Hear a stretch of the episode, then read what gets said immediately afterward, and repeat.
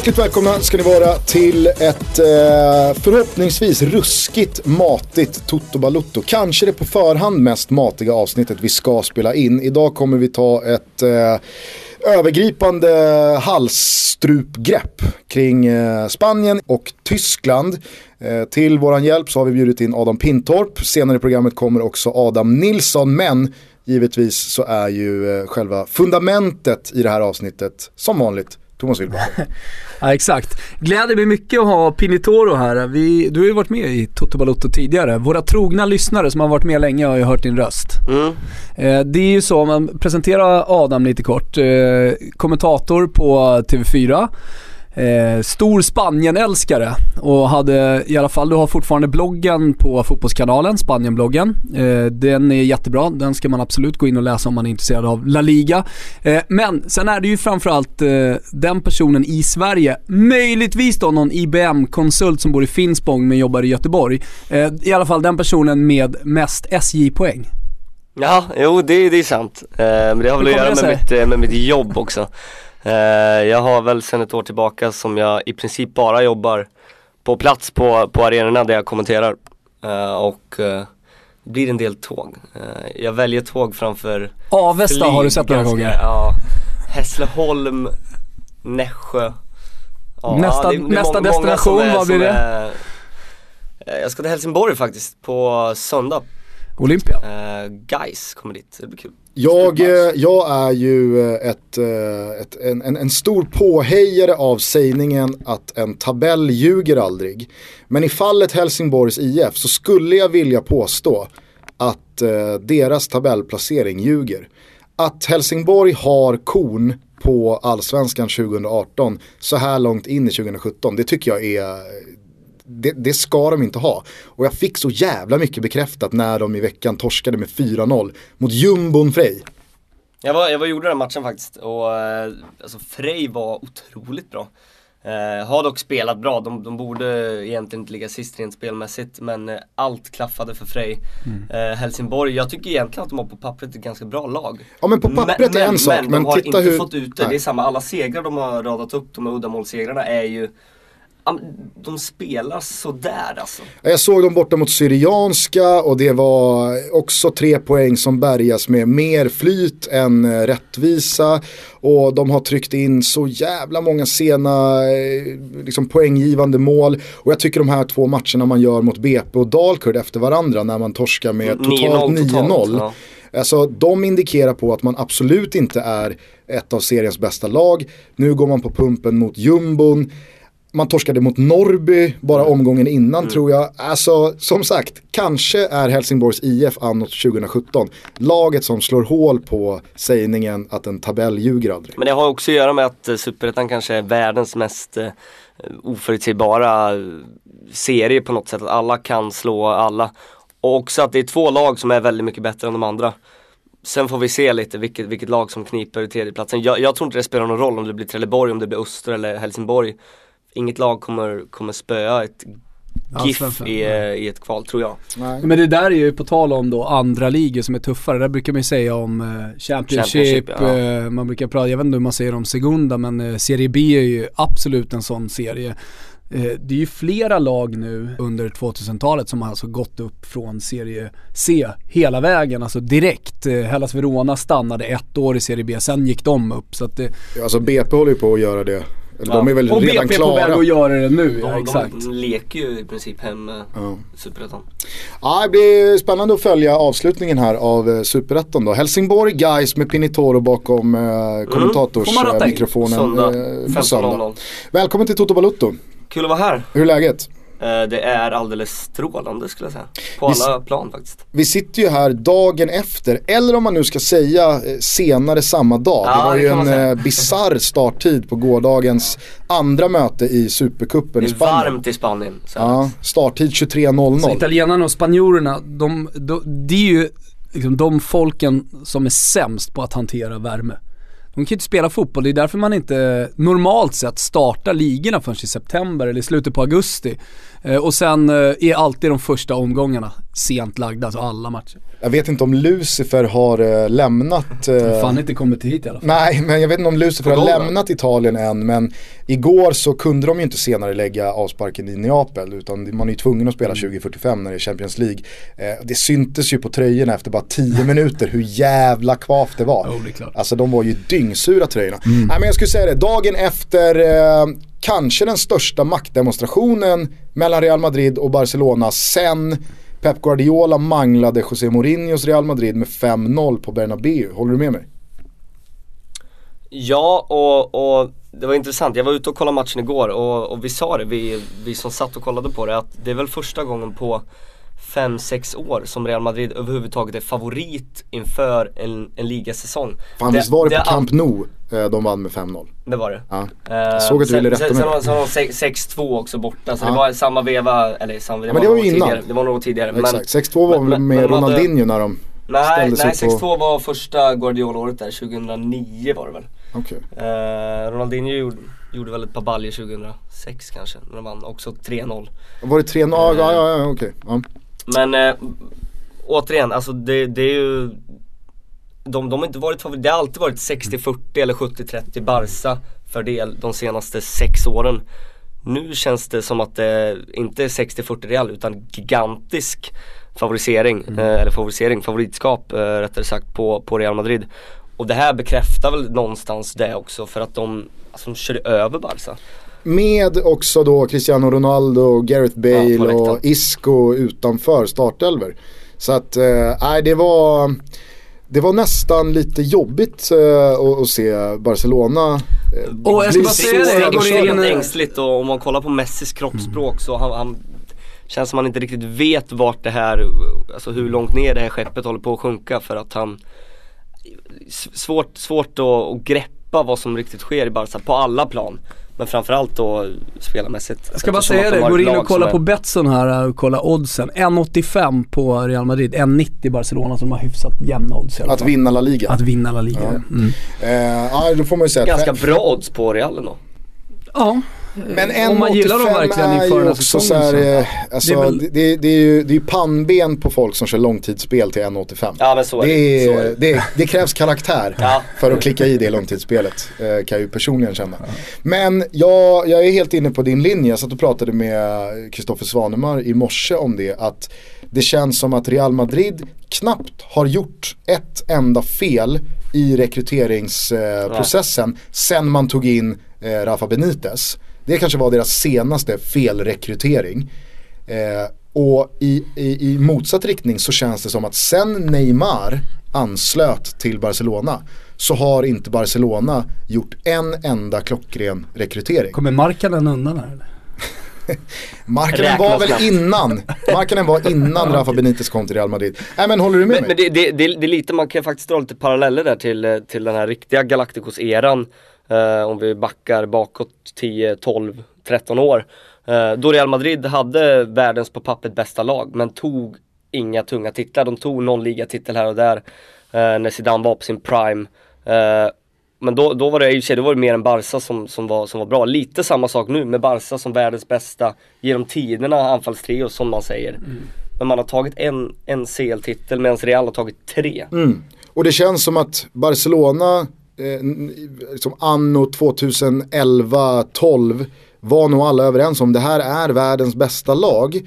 Eh, med Xavi, Iniesta i sin prime, eh, där fanns Messi, Busquets, eh, Piqué, Puyol och så vidare och så vidare. Men det känns som att de senaste två, tre åren så har man försökt göra ett av världens bästa lag bättre genom spelare som egentligen alla hade kunnat säga, de kommer inte bli bättre av Paco Alcacer. De kommer inte bli bättre av Alex Vidal. De kommer inte bli bättre av Lucas Dign.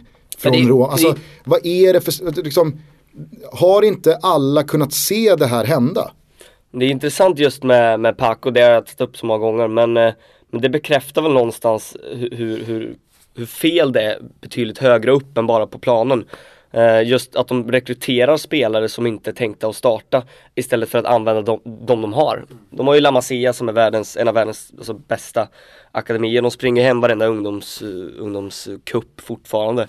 Eh, om vi tar exemplet då med, med Sandro Ramirez som är klar för Everton nu. Eh, som gjorde, gjorde han 16 mål i fjol i, i Malaga. Ändå helt okej okay för en spelare född 95.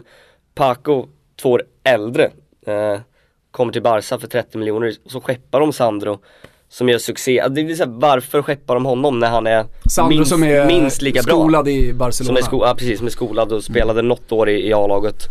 Hade, kämpade med, med speltid. Men det, det är, det är märkligt att värva spelare. Det är samma nu med, med André Gomes som har värvat in Paulinho ska vi inte ens prata om liksom. Det är 40 miljoner euro för en spelare som, som kanske inte kommer... sommarens mest oväntade Ja verkligen, det är...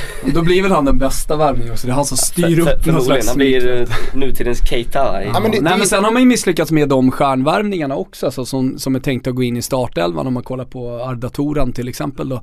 Eh, som, som varvades dyrt och många hade enorma förväntningar på honom. Kommer, vad det känns i alla fall, helt utan motivation. Jag vet att det, det är ju jätteviktigt eh, och det är någonting som sportchefer pratar väldigt mycket om. Man tänker att så här, man, man kollar på en spelare som är stor, han kostar si och så här mycket, man ser vad han har gjort tidigare. Eh, men jag vet att eh, alltså, de bästa sportcheferna sitter ju ner med de här spelarna och känner av den här motivationen. Det är många värvningar som inte blir av på grund av att man inte känner att den här glöden finns. Alltså där, där har ju inte Barcelona heller haft fingertoppkänslan.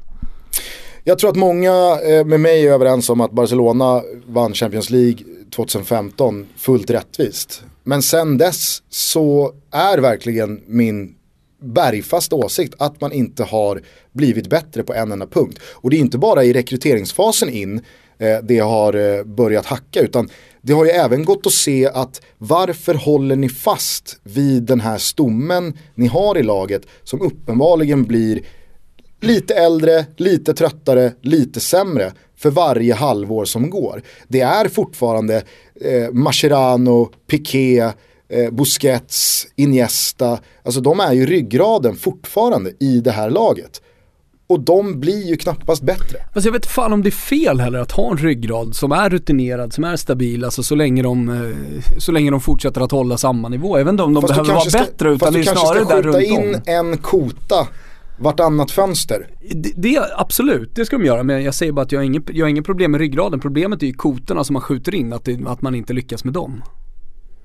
Vad, vad, vad, tror du eh, Valverde kan göra åt det här? Till att börja med, tycker du det är rätt rekrytering? Ja, jag, jag tror eller det fanns inte så många andra vettiga alternativ. Uh, och han har gjort det otroligt bra flera år nu i Atletic. Eh, men det här är en utmaning som han, han inte alls hanterat tidigare så det är svårt att veta. Han har inte haft något storlag på det sättet. Atletic är stora på sitt sätt men, men det här är en helt annan grej. Eh, så det, det har mycket att göra med att han har spelat i klubben och har erfarenhet av hur det är att vara i, i Barca som, som också spelar in såklart. De brukar ju vilja rekrytera på det sättet.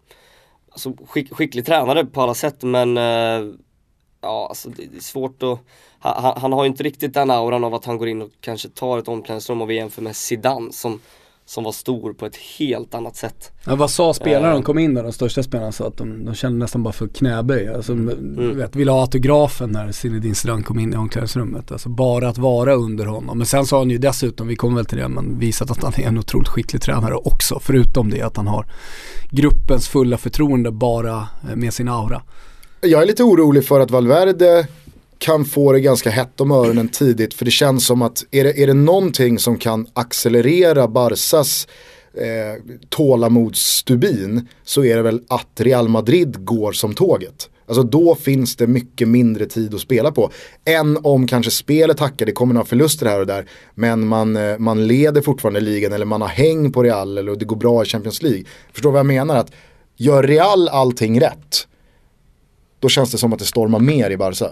Ja men så är det Men det är så, jag tycker det är, det är rätt sjukt också just på den, de här två åren från 2015 Att det har svängt över och det känns lite som att, som att Real Madrid har blivit vad Barca var. Att de har sin, sin filosof eller sin, sin gud i, i sin Din Zidane. Långsiktigt tänk, de värvar och rekryterar väldigt smart.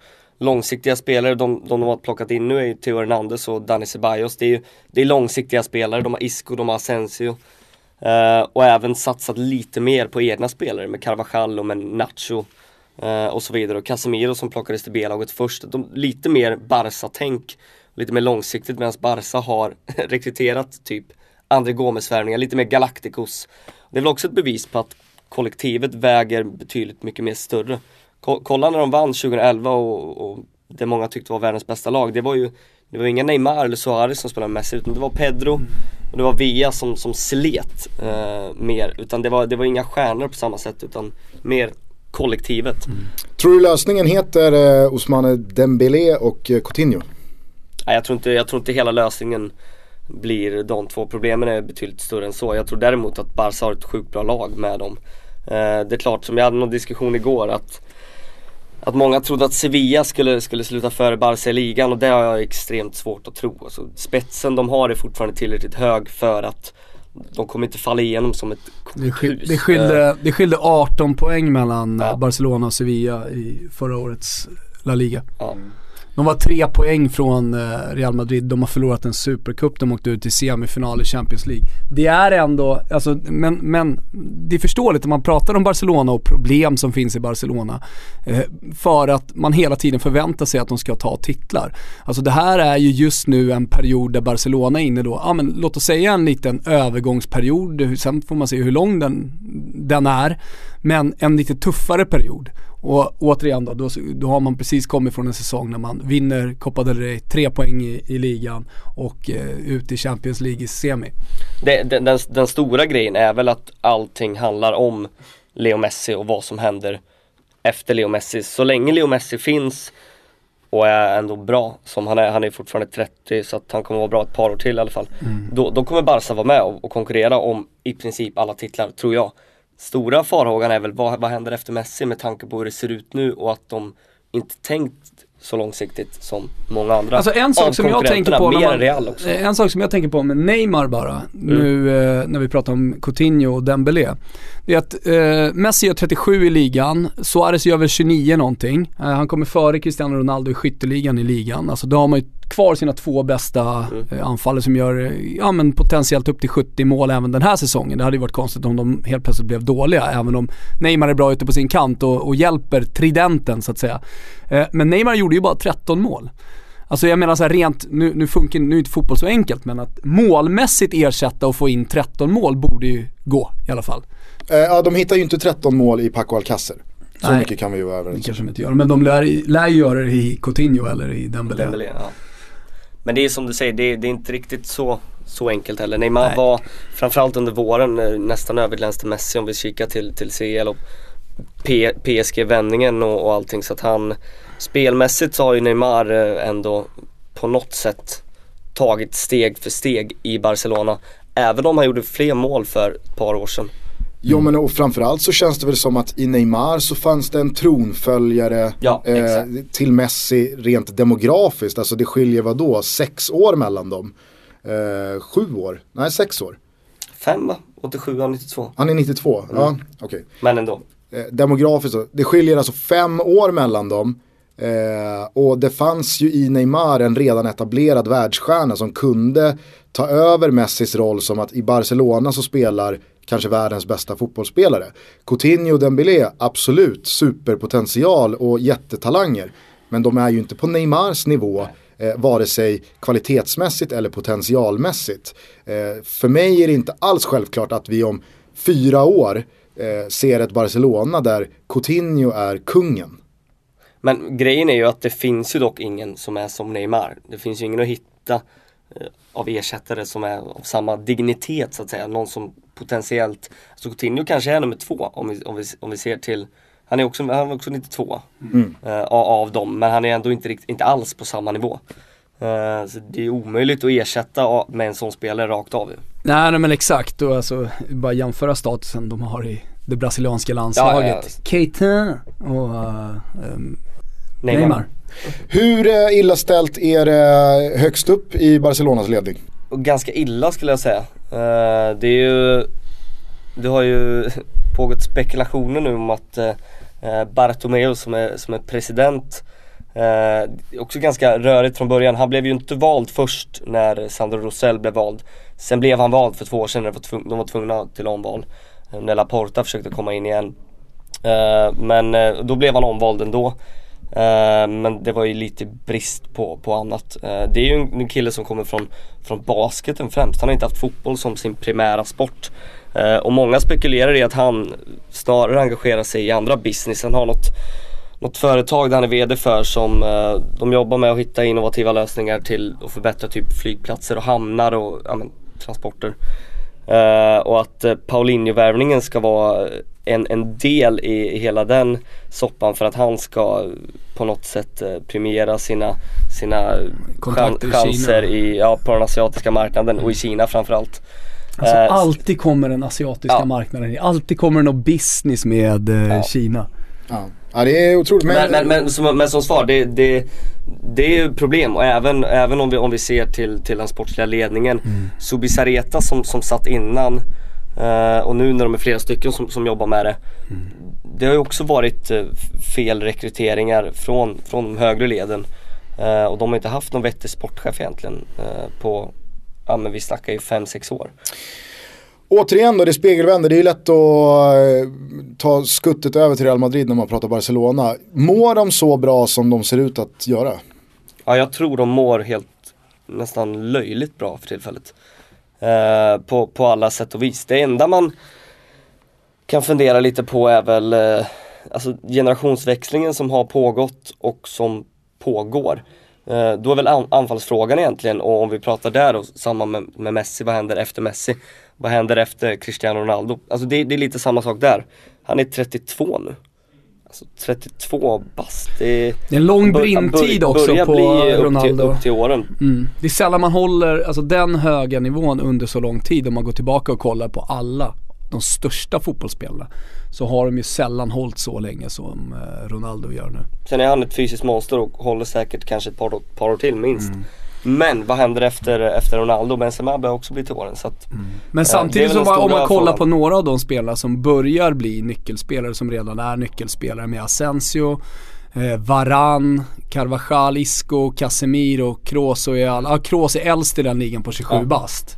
Så visst, det, det, är ju det är omöjligt att hitta en ny Cristiano Ronaldo höll jag på att säga. Alltså att, att vara med i den dragkampen och veta att det kommer bli en spelare som som levererar mm. titlar och levererar de stora matcherna år efter år. Problemet kanske inte är så stort egentligen. Nej men, men, men det, det, är ju det, som är, det, är det som är det svåra att liksom, liksom hitta Nu när Morata och Jesse aldrig riktigt tagit Nej. de där kliven. Morata var ganska bra i fjol i och för sig. Men att de inte är kvar i alla fall. Nej. Men, eh, men då köper man ju bara tillbaka Morata. Kom, om han nu blir den. Precis, ja. Men han kommer ju aldrig bli, oavsett hur många mål han gör i Chelsea så kommer han aldrig bli Ronaldo bra. Helt overkligt bra för övrigt eh, Marco Asensio. Oh. Alltså det är... Hur bra kan han bli tror du då? Nej men han kan, han kan bli topp 10 i världen bra. Ja. Uh, grejen med, med Vi kan väl hänga ut uh, någon slags gemensam drul här att vi var ju tidig på Asensio-pucken ja. i Toto. Det var väl när Pinny var med väl? Ja både då och uh, till och med innan. Ja. Uh, Minns det var någonting annat, alltså det var, det var någon slags spådom som uh, Pinitoro uh, bjöd på när han var med i Ja det var väl Dani Ceballos. Det var Ceballos va? Mm. Som du flaggade för i, som du flaggade för. Den kan du räkna in. Ja. ja. Vi bara vädra den. Ja.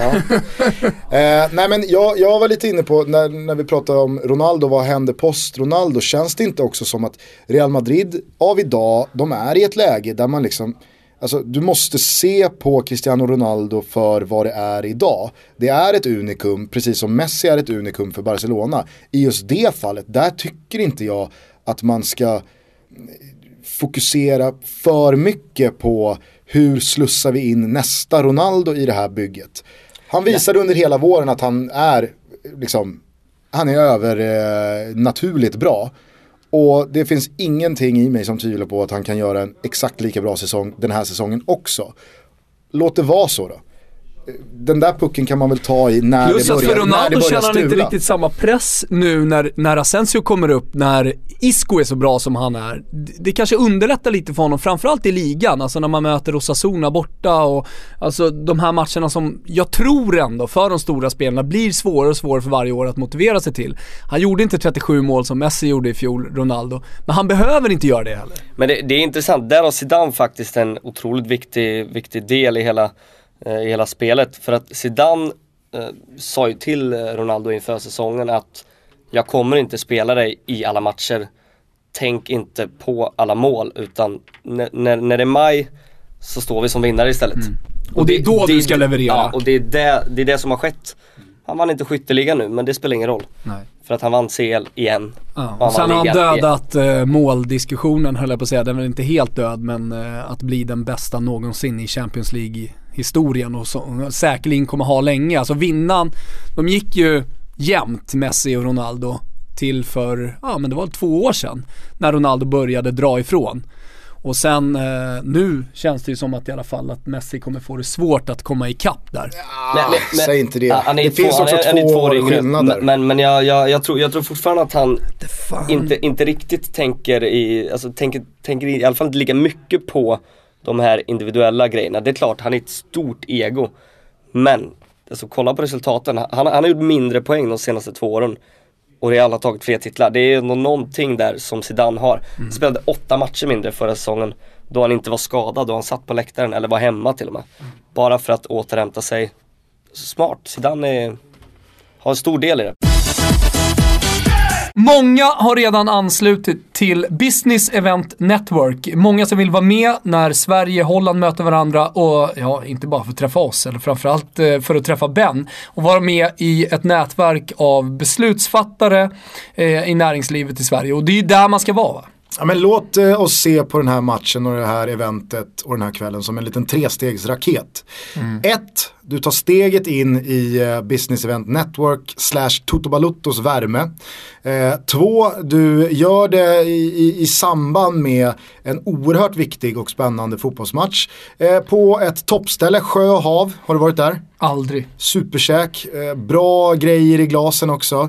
Eh, och i hela det här sammanhanget så knyter man ju då kontakter det är hela grejen med Business Event Network, att man får kontakter eh, med andra beslutsfattare i, i, eh, i Sverige. Precis, och, och som crescendo så lyfter ju den här raketen iväg. För att det här är ju inte bara det första, utan det, det är ju starten på det nätverk vi ja, gör tillsammans. Går, går man med i det här nätverket eh, och slutar upp redan nu, då får man ju inte bara den här Hollandsmatchen, utan man får ju flera tillfällen som jag då har sagt till några som eh, har gått med också lite lullull. Ja, vad, vad, blir det för lullull? Alltså, det, det, kan jag inte avslöja just nu, men eh, det är fyra träffar på ett år.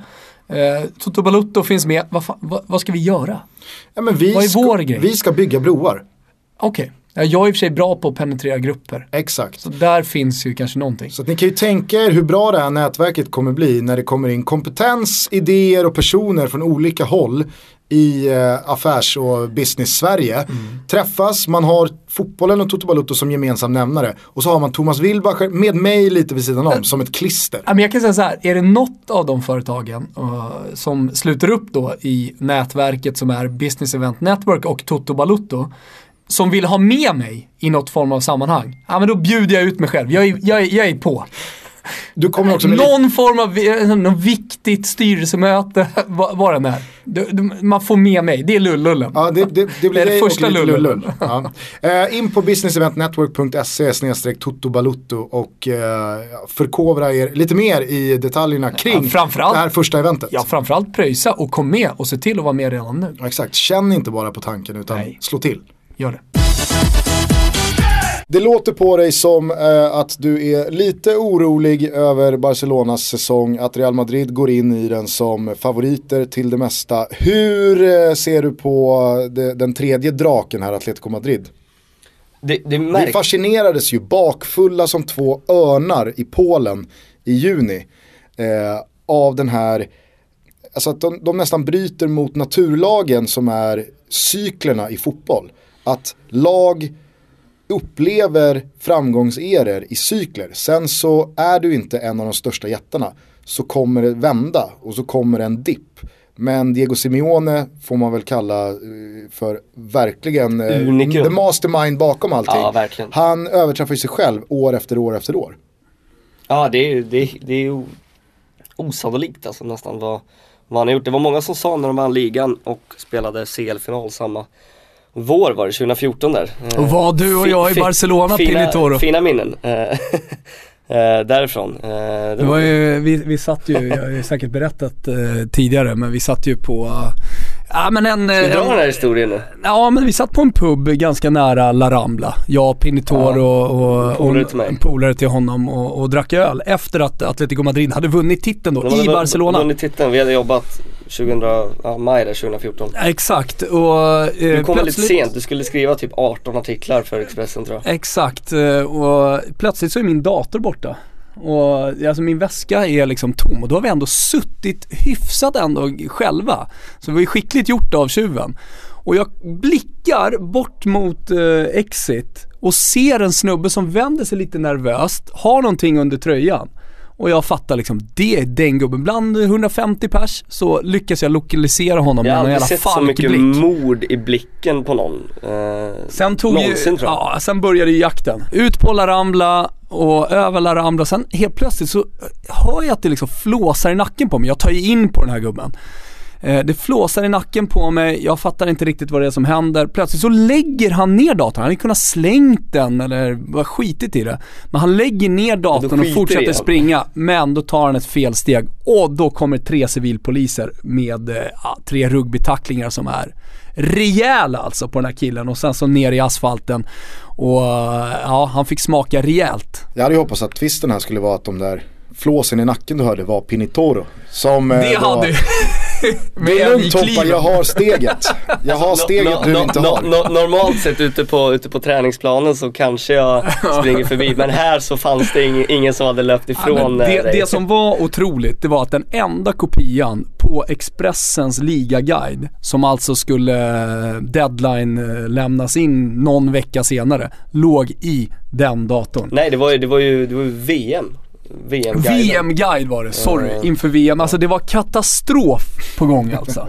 Ja, och jag, jag kan ju säga att efter, efter det så har jag alltid kört backup, men, men satan vad ska jag vara när jag tog de där löpstegen. Ja, men om vi ska låta det här vara någon slags analogi då för Atletico Madrids säsong. Eh, vad, vad har de för älgkliv eh, under motorhuven den här säsongen? Kommer de fortsätta eh, skugga och göra anspråk på ligatiteln igen?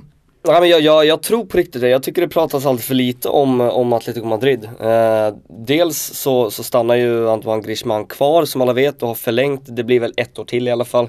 Skulle mycket väl kunna bli en sån Falcao-deal, att han stannar ett år till. Med tanke på deras förbud nu att de inte får värva inspelare eller registrera. Och sen gå nästa sommar, det, det är ganska troligt. Eh, men han är kvar och ror de i hamn Diego Costa som är på gång eh, och dessutom då addera med Vitolo som kommer i januari så har de ju ett ja, men löjligt lag. Då, då, då, läm- då har ju Simeone fått det han bad om. Han sa att, och det är också så, Simeone har ju, han förkortade ju sitt kontrakt och sitter bara ett år till. Eh, och dealen är väl där att han vill verkligen få som, som han vill för att vara kvar ytterligare längre efter det. Och inför sommaren så var det ge mig Diego Costa, ge mig Vitolo. Och det är väl på gång att ske. Eh, Det snackas om att Diego då kan- Costa ska lånas ut till Deportivo La Coruña eh, och sedermera bara för att gå till Vore Atletico. ett helt sjukt uh, anfallspar de får tillbaka, eller de har, alltså Adrian, tidigare Atletico, nu tillbaka i Depor och Diego Costa eh, i, Deportivo helt, det är, ja. Uh, vore märkligt, men eh, stort för Depor. Så du håller Atletico Madrid precis lika högt som tidigare? Ja, precis li lika högt. Får, får de tillbaka Diego Costa så tror jag att de blir, eh, alltså i vår, ännu vassare. Kanske snarare en, återigen, utmanare i, i Champions League mer än i ligan. Eh, men löser de hösten som de inte borde ha några problem att göra så kan de absolut vara med i, i ligan också. Jag kan ju påminna om att Atletico Madrid har värvningsförbud nu under sommaren. Men Ja, de, januari... de, de, inte- de har inte värvningsförbud på det sättet, de har ju registreringsförbud. Så de har ju värvat Vitolo men får inte registrera honom. Så han spelar i Las Palmas nu vilket också är spännande, spännande övergång. Tror du eh, att man eh, kommer påverkas någonting av eh, ny arena? Ja det är klart man kommer göra. Det är inte många klubbar som eh, verkar bemästra en övergång Fråga från en... Spurs. Ja, Eh, eller West Ham eller det finns väl ganska många klubbar som I har det var, ju- det strukit var ju på bara, det foten var ju av bara det. Wem- Wembley man spelade på ett tag men det gick ju sådär. Jag förstår att det sitter i väggar och man har sina rutiner och så vidare. Men ska det verkligen spela så stor roll rent sportsligt för Atletico Madrid att flytta lite på sig? Alltså det finns ju de, ingen ju person. de har ju fortfarande varit bra på Calderon så att det, det, det är inte så att det, kommer bli något kanske jättelyft så men jag tror ändå att det påverkar lite och ger någon form av extra Du tror positivt vätska. alltså? Ja, på- För det är ju många, många som är inne, jag minns eh, Erik Nivas sista krönika från Calderon där han menar på att nu, nu lever Atletico Madrid lite farligt eh, för att de ska flytta från det här fortet där de har varit så bra, där allting sitter i väggar och historiens kraft är så stor och så vidare. Eh, men du är inne på att det är positivt för dem att komma till den här nya arenan. Ja. Ah, jag, är, jag är mer inne på samma linje som Pinitoro. Alltså det finns ju ingen eh, större förespråkare i fotbollssverige eh, kring det här än Lars Lagerbäck. Han menar ju på att det spelar absolut ingen roll var du spelar fotboll. Säg är det på- till Albin Ekdal det när är han var i Cagliari. Om det är på hemmaplan eller bortaplan eller neutral plan, alltså det är en fotbollsplan som vilken som helst. Det ska inte spela någon roll om du är bortalag eller hemmalag. Alltså det är, man måste ändå ge det till Lagerbäck att han, att han håller det fortet stadigt. Jag det- tror att det kommer påverka Atletico Madrid fast i negativ bemärkelse. Precis som att eh, jag tror att det kommer påverka eh, Tottenham negativt av att de ska spela alla sina matcher på Wembley den här säsongen. Vi såg hur det gick i Champions League i fjol. West Ham ska vi inte tala om hur jävla kalla de var i fjol på hemmaplan på sin nya arena. Så att, eh, Men jag, är det inte jag lite, samma sak där då med hela, hela Simeone-auran? Att är det någon som, som kan få ett lag att att gå in och prestera till max på nästan ännu högre nivå på en ny arena så är det Simeone och Atletico Madrid. Mm. Tror jag. Alltså jag tror inte att eh, Arnautovic kommer påverka så här jättemycket av att, eh, alltså vilken arena han spelar på. Eller nyförvärven som West Ham gjorde i fjol påverkades jättemycket av eh, Men ett Gabi arenabyte. Men på tal om Gabi så måste jag ändå känna att jag, jag vill vara konsekvent här. I mina eh, skeptiska åsikter kring Barcelonas ryggrad så är det väl ändå lite samma problematik, om man nu tycker att det är ett problem med Atletico Madrid. Att det är lite samma gubbar som förväntas fortsätta leverera. Då tänker jag på Gabi, Diego Godin, eh, Felipe Luis, eh, Juan Fran. Ja fast Eller är jag orättvis där? Ja, lite så för att Gabi har väl Det har väl varit igång nu i två år i princip att man har slussat in Kocke mer centralt och man har Saul. Det är de två som spelar och de är födda 94 och 92. Så där har de ju en ryggrad att, bygga på hur långt framöver som helst. Eh, om vi snackar Godin, det är, alltså det är klart, Godin är Godin. Han är ju helt omöjlig att ersätta. De har ju dock två unga spelare. Nu, nu har ju Savic kommit in, eh, din gamla gubbe, eh, och tagit rollen bredvid Godin. Jiménez är 95 Lucas Hernandez som är storebror till Theo i Real Madrid nu är 96 Båda har ju också varit bra egentligen när de har fått chansen. Så det finns ju att bygga på, finns ju eh, spelare att ta vid. Däremot är Godin tror jag helt omöjlig att ersätta på något sätt för han har varit eh, fundamental i, i det här bygget och verkligen Alltså på, på något sätt lite, eller den stora ledaren ute på planen. Gabi har binden fast Godin är, är ledaren i Atletico Madrid ute på planen. Gabi är jag inte säker på att han kommer starta på samma sätt eh, den här säsongen. Speciellt inte när Vitolo kommer in och de har Carrasco, de har Gaitan som kanske kan ta ett steg nu. De har extremt många spelare som de ska skjutsa in i det här laget. Är säsongen 17-18 det sista vi ser av Torres på den här nivån? Ja, det tror Ja, det är nog det sista vi ser i Atletico Madrid i alla fall. På den här nivån, ja det går väl hand i hand. Svårt att se att han tar något extra år i, i Real Betis. Utan det blir väl en sväng till Kina eller något i så fall innan han tar någon annan roll i, i Atletico Madrid. Ja, det känns ju som att han är inte främmande för att mjölka Nej. Nej. två säsonger i Kina sen. Eh, om vi bara zoomar ut från de här eh, tre stora då. Eh, är det några lag som eh, du tycker ska uppas lite extra inför den här säsongen? Om tänker vi toppstrid eller rent generellt? Nej, jag tänker eh, som eh, får det att kittla lite, Ja, jag tycker i, så här, det man eh, skulle kunna lite göra- i, i Adams mage. Ja men det, det man skulle kunna göra, bara inleda det med, det är vil, finns det någon som kan utmana Atletico, Real och, och Barcelona? Jag, jag tror inte att det finns någon som utmanar de här tre, för de här tre är för bra. De är i toppskiktet alla tre, trots allt, i, i Europa. Och jag, jag har svårt att se ett Sevilla återigen med ganska nytt lag, med ny tränare, ett, ett Villarreal som, som ser spännande ut. Men att de ska utmana på det sättet, det, jag, jag ser det som, som praktiskt omöjligt. Däremot har ju Sevilla ett bra lag och borde vara, vara topp 4. De har ju eh, blivit av med Monchi som har, som har kommit eh, till Roma nu men eh, men har ju kvar hela, hela stommen och över 700 man som har jobbat med den här scoutingverksamheten som han har på något sätt eh, Den har han ju inte tagit med sig till Roma. Och dessutom sin högra hand som är kvar, eh, Oskar Arias som är sportchef nu. Så det är i princip samma grej och kollar vi på värvningarna så ser det ju otroligt bra ut. Att de skeppar sin eh, kapten som inte varit ordinarie egentligen någon gång, Vicente Borra för, vad gick för 16 va, till Leicester. Eh, och plockar in Ever Banega och Nolito för i princip samma summa. Det är ju, alltså, det är ju nästan löjligt. Eh, bra scoutat, värvat, rekryterat och så det, det, känns som att Sevilla kommer spinna vidare på, på det här men att de ska ta ytterligare steg det tar nog ett tag till tror jag. Jag tror ju också att, eh, på tal om det här, att eh, man kanske påverkas, kanske inte av att spela på hemmaplan, bortaplan och så vidare.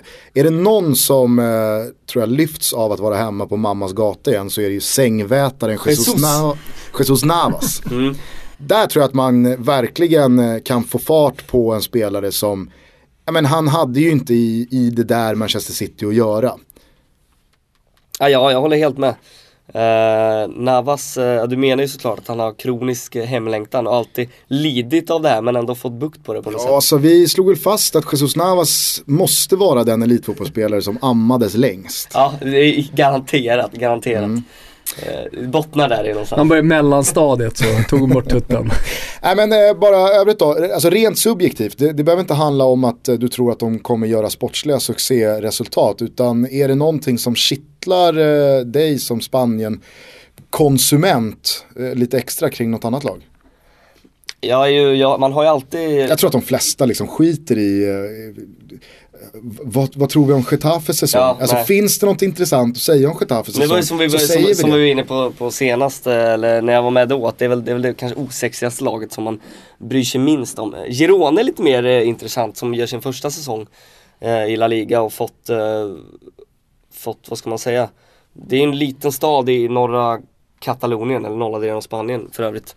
Uh, och de har fått supportrar från, från ingenstans egentligen. Alla har ju hållit på, på Barcelona där eller ja, vissa kanske Espanyol eller, eller övriga lag, Real. Taxichaufförerna håller väl på Espanyol? Ja det är en, en gammal klassiker i Barcelona. Eh, Stämmer ju men, men, det är en myt också för det, det, det är inte riktigt så. Det är fan ingen som håller på Espanyol när man väl kommer dit. Men myten säger ju att det, det är alla Mina föräldrar eh, var och kollade på Espanyol för, eh, förra året tror jag det var. Och då åkte de en taxichaufför till arenan och han höll på Barcelona. Ja. Mm. Man, vet ju också, man vet ju också att Jonny och Kikki de gick ju på Espanyol för att de inte fick biljetter till Camp Nou. Nej, de spelade borta den helgen.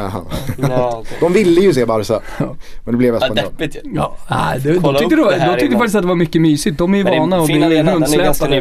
Uh, mm. Men i Girona, är det, är det tigermat här eller uh, tror du att de kan uh, de kan säkert bli kvar en säsong. Liksom. Alaves kom upp och ingen trodde på dem och de slutade tia så att det är klart eh, de kan hålla sig kvar, men de har stor omsättning på spelare.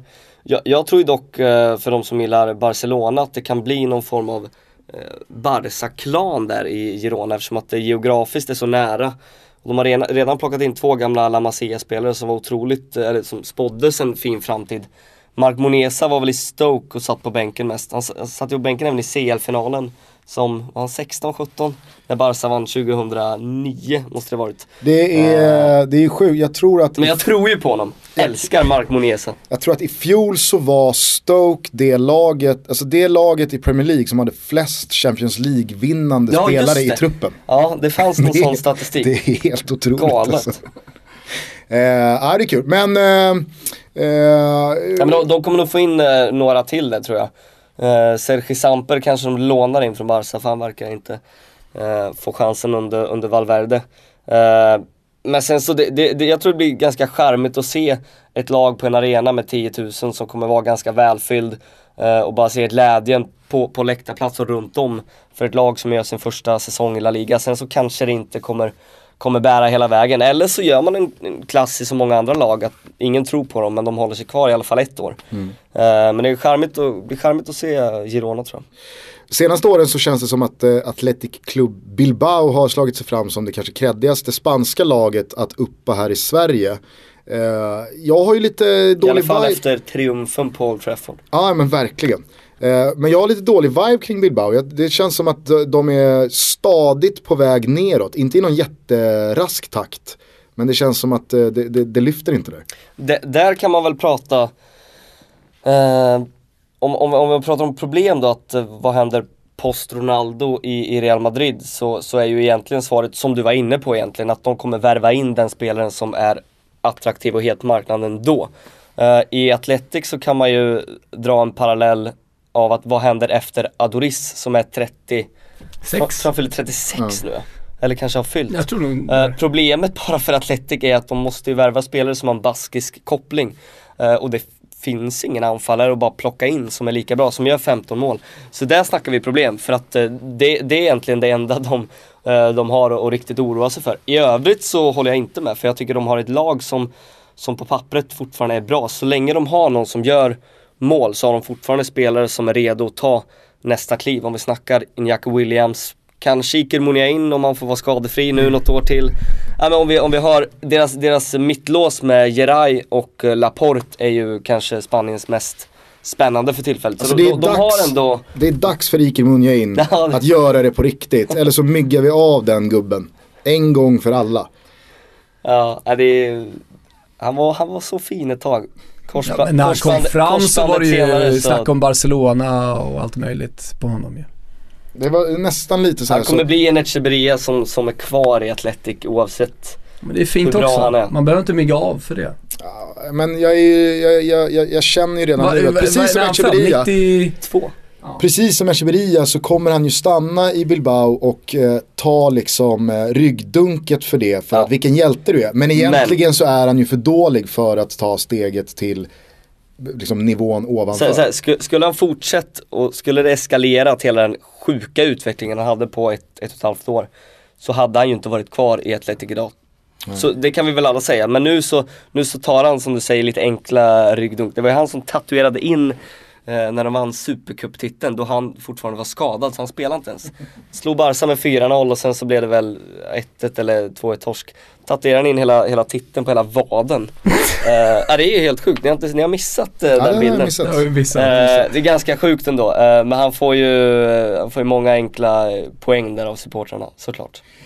Eh, vi ska börja runda av eh, Spanien-delen här. Jag har en eh, sista fråga. Ja, absolut. Eh, vem kommer ta upp kampen som eh, La Ligas absolut bästa försvarare med Bonera i år?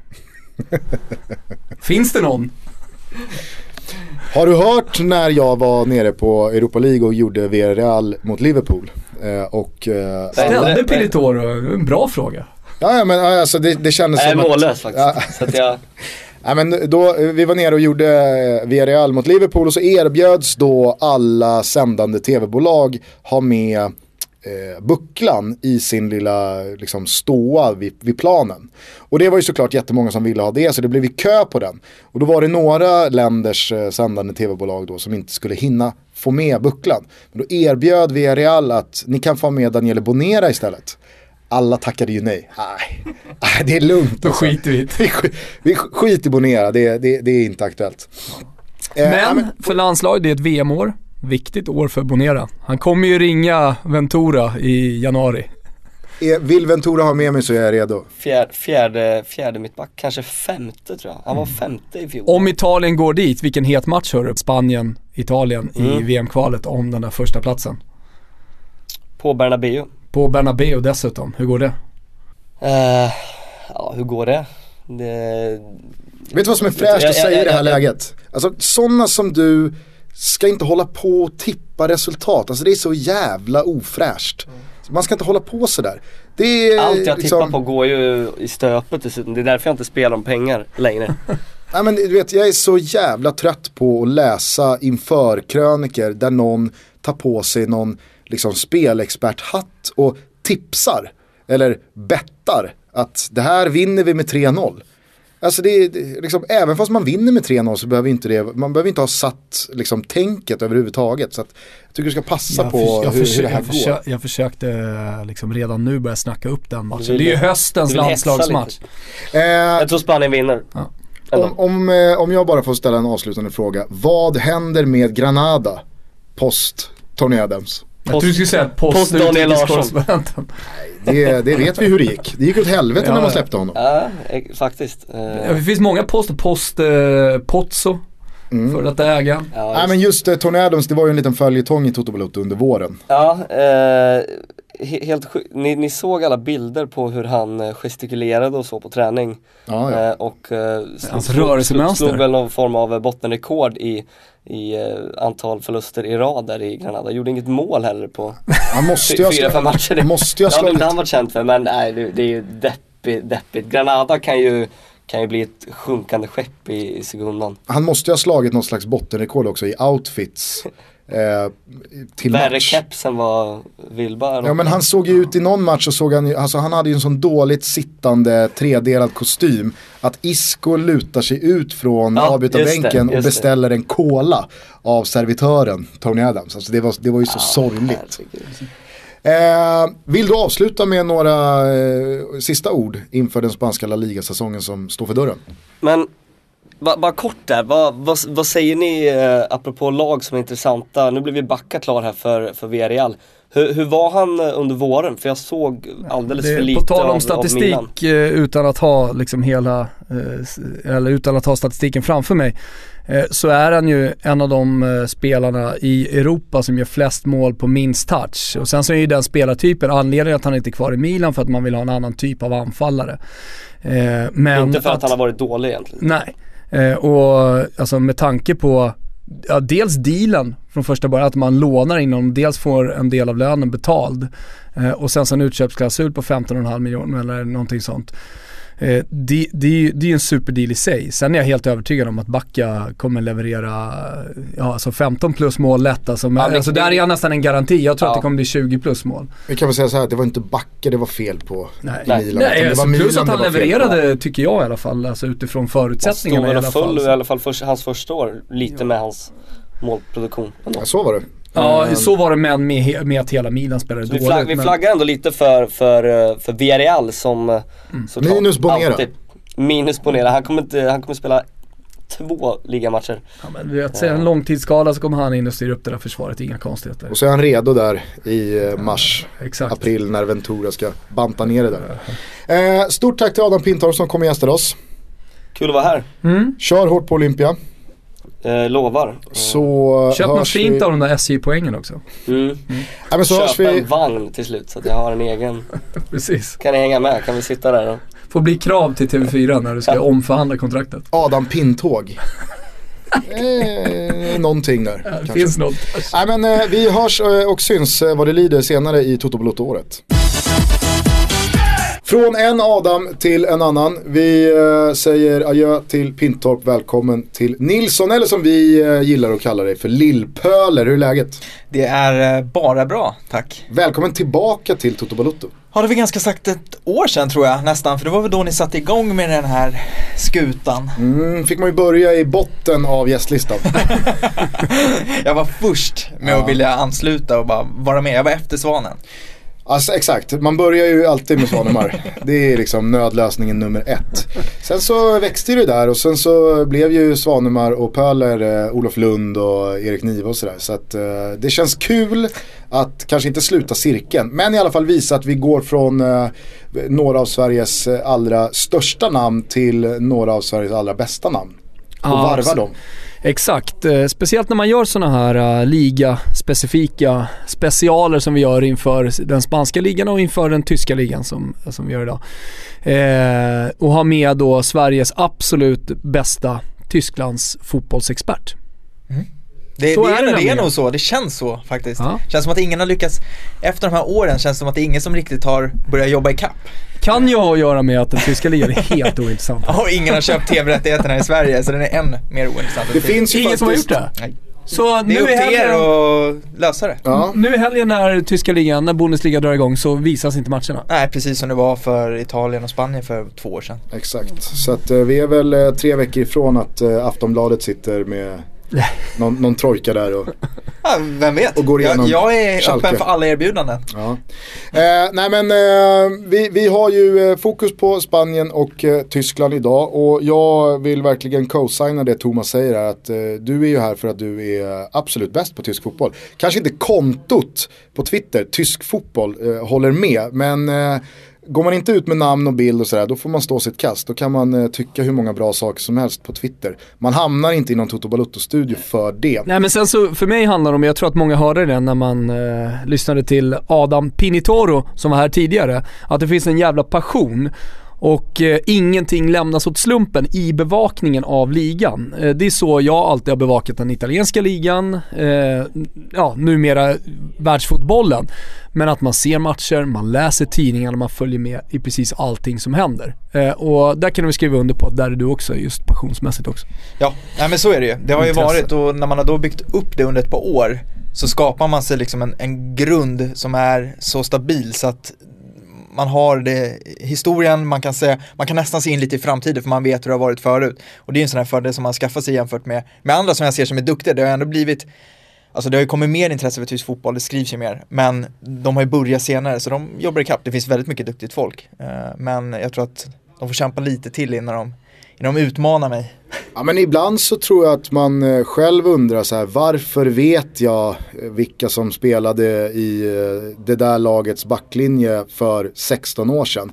Och man har ju oerhört sällan på ett år användning av den kunskapen. Men så kommer den där lilla, lilla stunden där liksom, det särskiljer en själv från någon annan. Att, liksom, jag, jag, vet, jag kan dra den kopplingen, jag har den referensen, jag har den bakgrundsfaktan.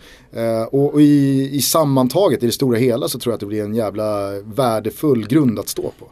Jo, nej men så är det ju. Mot slutet av eh, den här rättighetsgrejen när, när den fanns kvar på Discovery så började jag kommentera tysk fotboll och det finns rätt mycket man känner att när man kan dra fram att Jan Rosenthal i Darmstadt målar mycket på fritiden och skriver poesi. Mm. Då vet jag att jag är rätt ensam med att sitta på den infon ändå och kunna måla ut. Liksom, och också det. som är intresserad av den. Ja. det är en annan femma. Eh, innan vi går in på eh, årets säsong och den aktuella tyska fotbollen så vill jag bara fråga dig var du står någonstans gällande Stefan Effenberg. Vi eh, tog ut våra 23-mannatrupper här med eh, våra liksom, hjärtans favoritspelare under vår livstid och eh, Stefan Effenberg var ju den spelaren vi var mest oense om. Men du hade en oerhört märklig trupp alltså. Oavsett vad man ska säga om Nej, trupperna jag, i sin helhet så kan man väl bara hålla med om att det var just Effenberg som ja, delade absolut. oss mest. Mm. Eh, jag håller honom väldigt högt, Thomas eh, håller honom som kanske det, det största hatobjektet någonsin. Nej, riktigt så, så ska, liksom hatade han inte i Casa Wilbacher men eh, jag, jag gillar honom inte och har aldrig gjort. Jag tycker att han är ett svin. Vad har du för uh, relation Oerhört till Stefan osympatisk människa också om man nu ska prata om uh, utanför fotbollsplanen. Det, det är han ju, ja. verkligen. Hans fru också. Uh, men alltså... Pölish alltså, jaså? Ja, de är kända för att ha, under sin tid i München så var det han är ju en osympatisk människa. Han har ju blivit kanske mer sympatisk med tiden. Men, men vad har vi på frugan här? Jag kommer inte riktigt ihåg vad hon heter nu men hon har ett, det räcker med att se på henne så vet du. Den här människan Tysk ragata, det är ju det värsta som finns. det, det, det, det, går inte. Och hon, jag tror att hon var en av dem som eh, tjafsade med, det var ju någon huvudtränare om han, det var när han var i Italien. För, han, lite, det är nästan som eh, Schuster en gång i tiden. Att han hade liksom en fru som skötte väldigt mycket åt honom. Mm. Ja men så var det, det är confirm på det. Ja. Alltså, det, det, var väldigt mycket frugan som, som styrde och ställde där. Alltså jag, jag menar eh, i styrde och ställde, det, det kan du kan ju göra hur mycket hon vill. Det, det är ingenting emot men, men alltså nästan som en agent. Och, och ja men kom med krav på, äh, ganska orimliga krav också.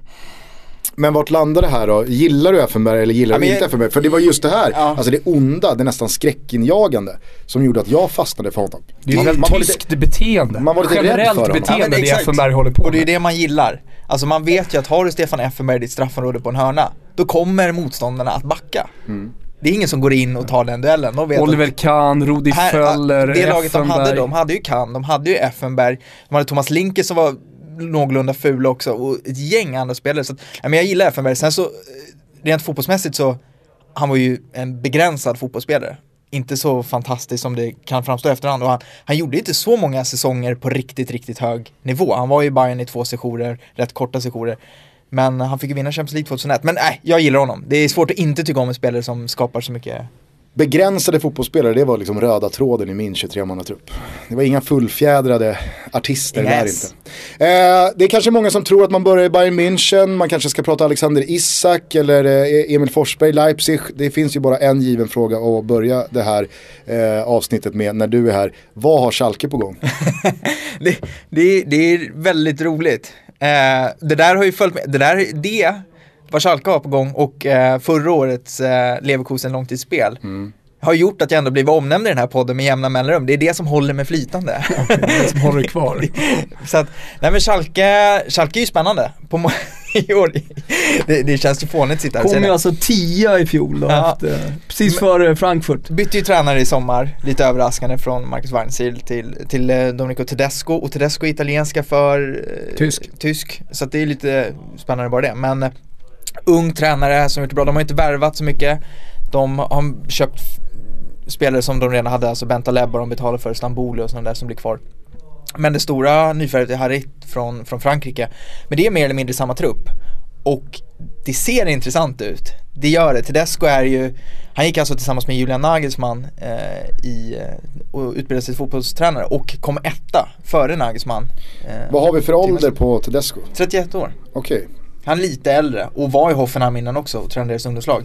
Gjorde det jättebra i Aue i våras. Eh, tog dem från att vara mer eller mindre klara för Dritte Liga till att föra dem till säker plats i, i Zweite Bundesliga. Rätta mig om jag har fel, enda kopplingen jag har till Aue det är att Freddy Borg har spelat där va?